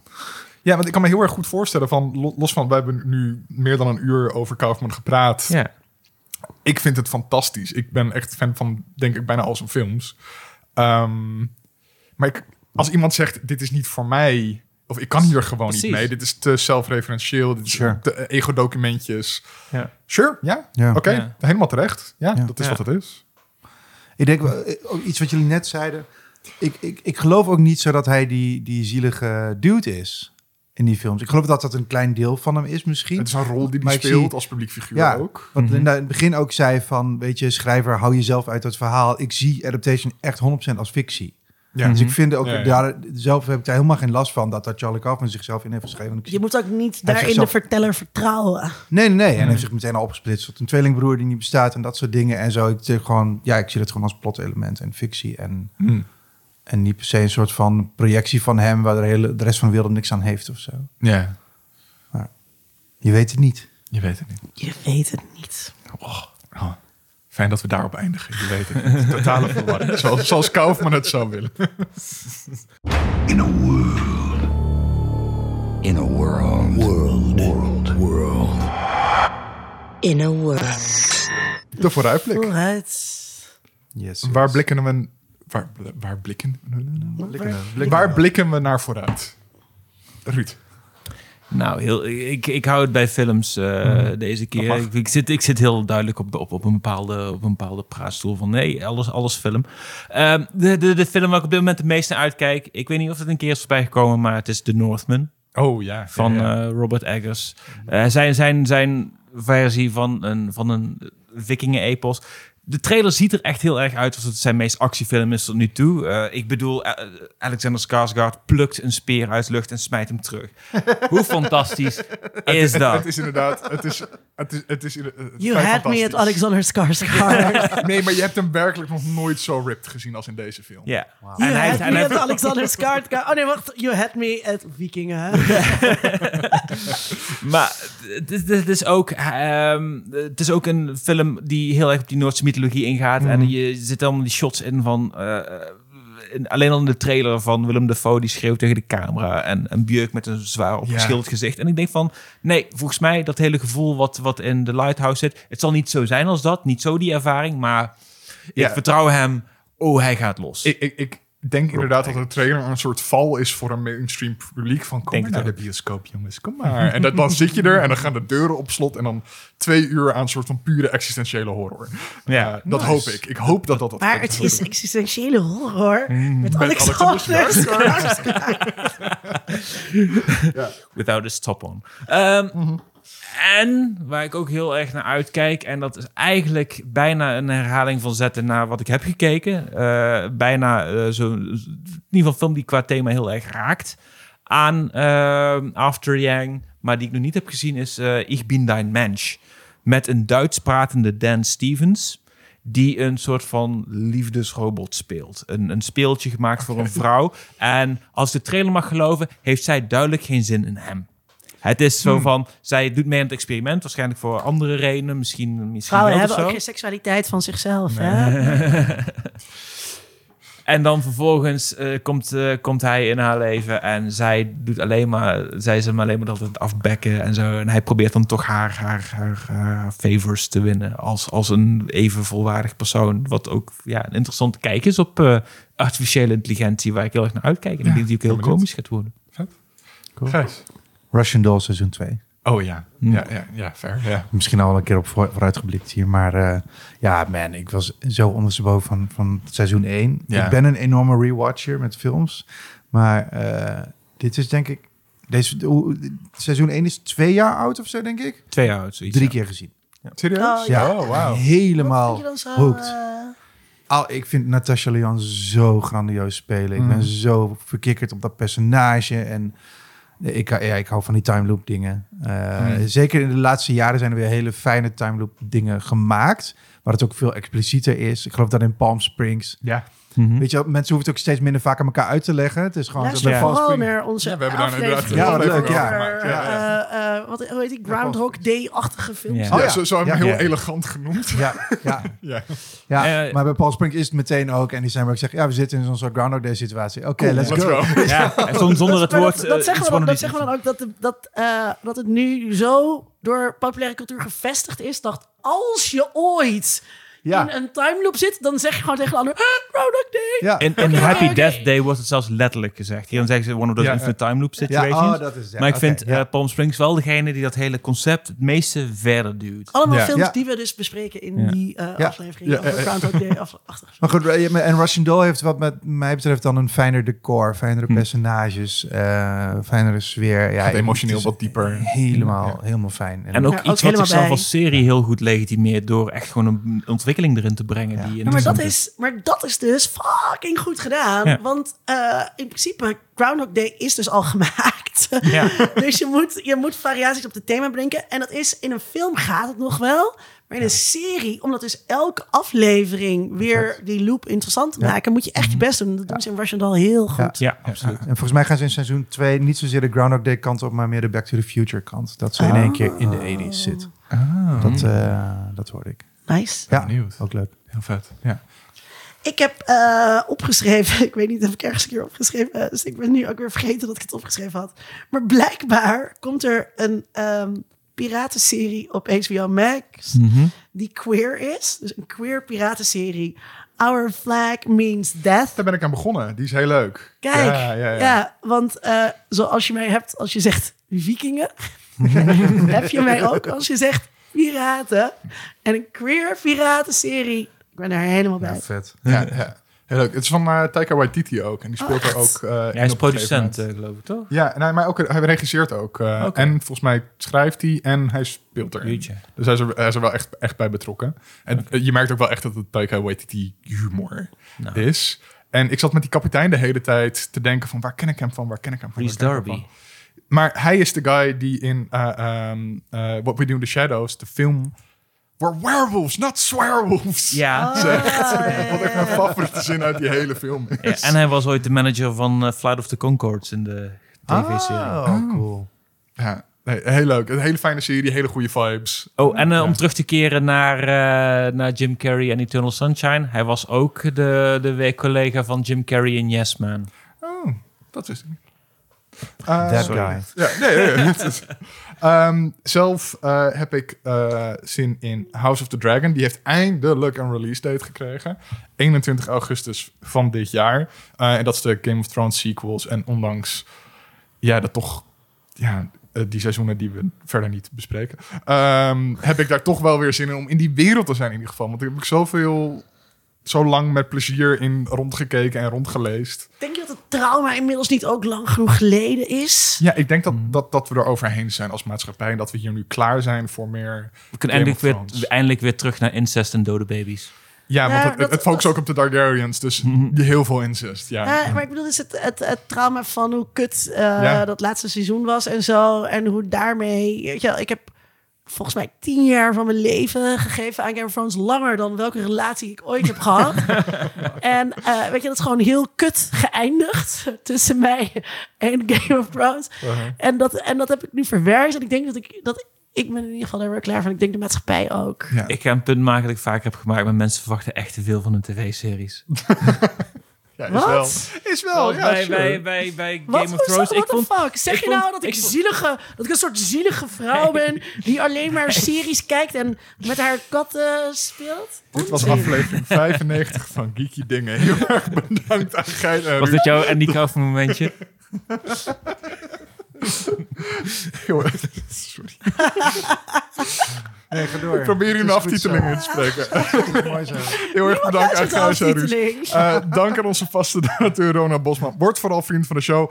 Of misschien patrons voor die daarvoor gaan. Mag dat, Gijs? Eh, dat- Mogen we dat- ook dat- Patreons? Nee, ik snap daar helemaal niks van. Maar het is goed. ik vind het allemaal goed. Maar ik snap er echt helemaal niks van. Oké, oké. Eh, de volgende keer gaan we het dus hebben over Agatha Christie en moordmysteries. Dit was Geeky Dingen.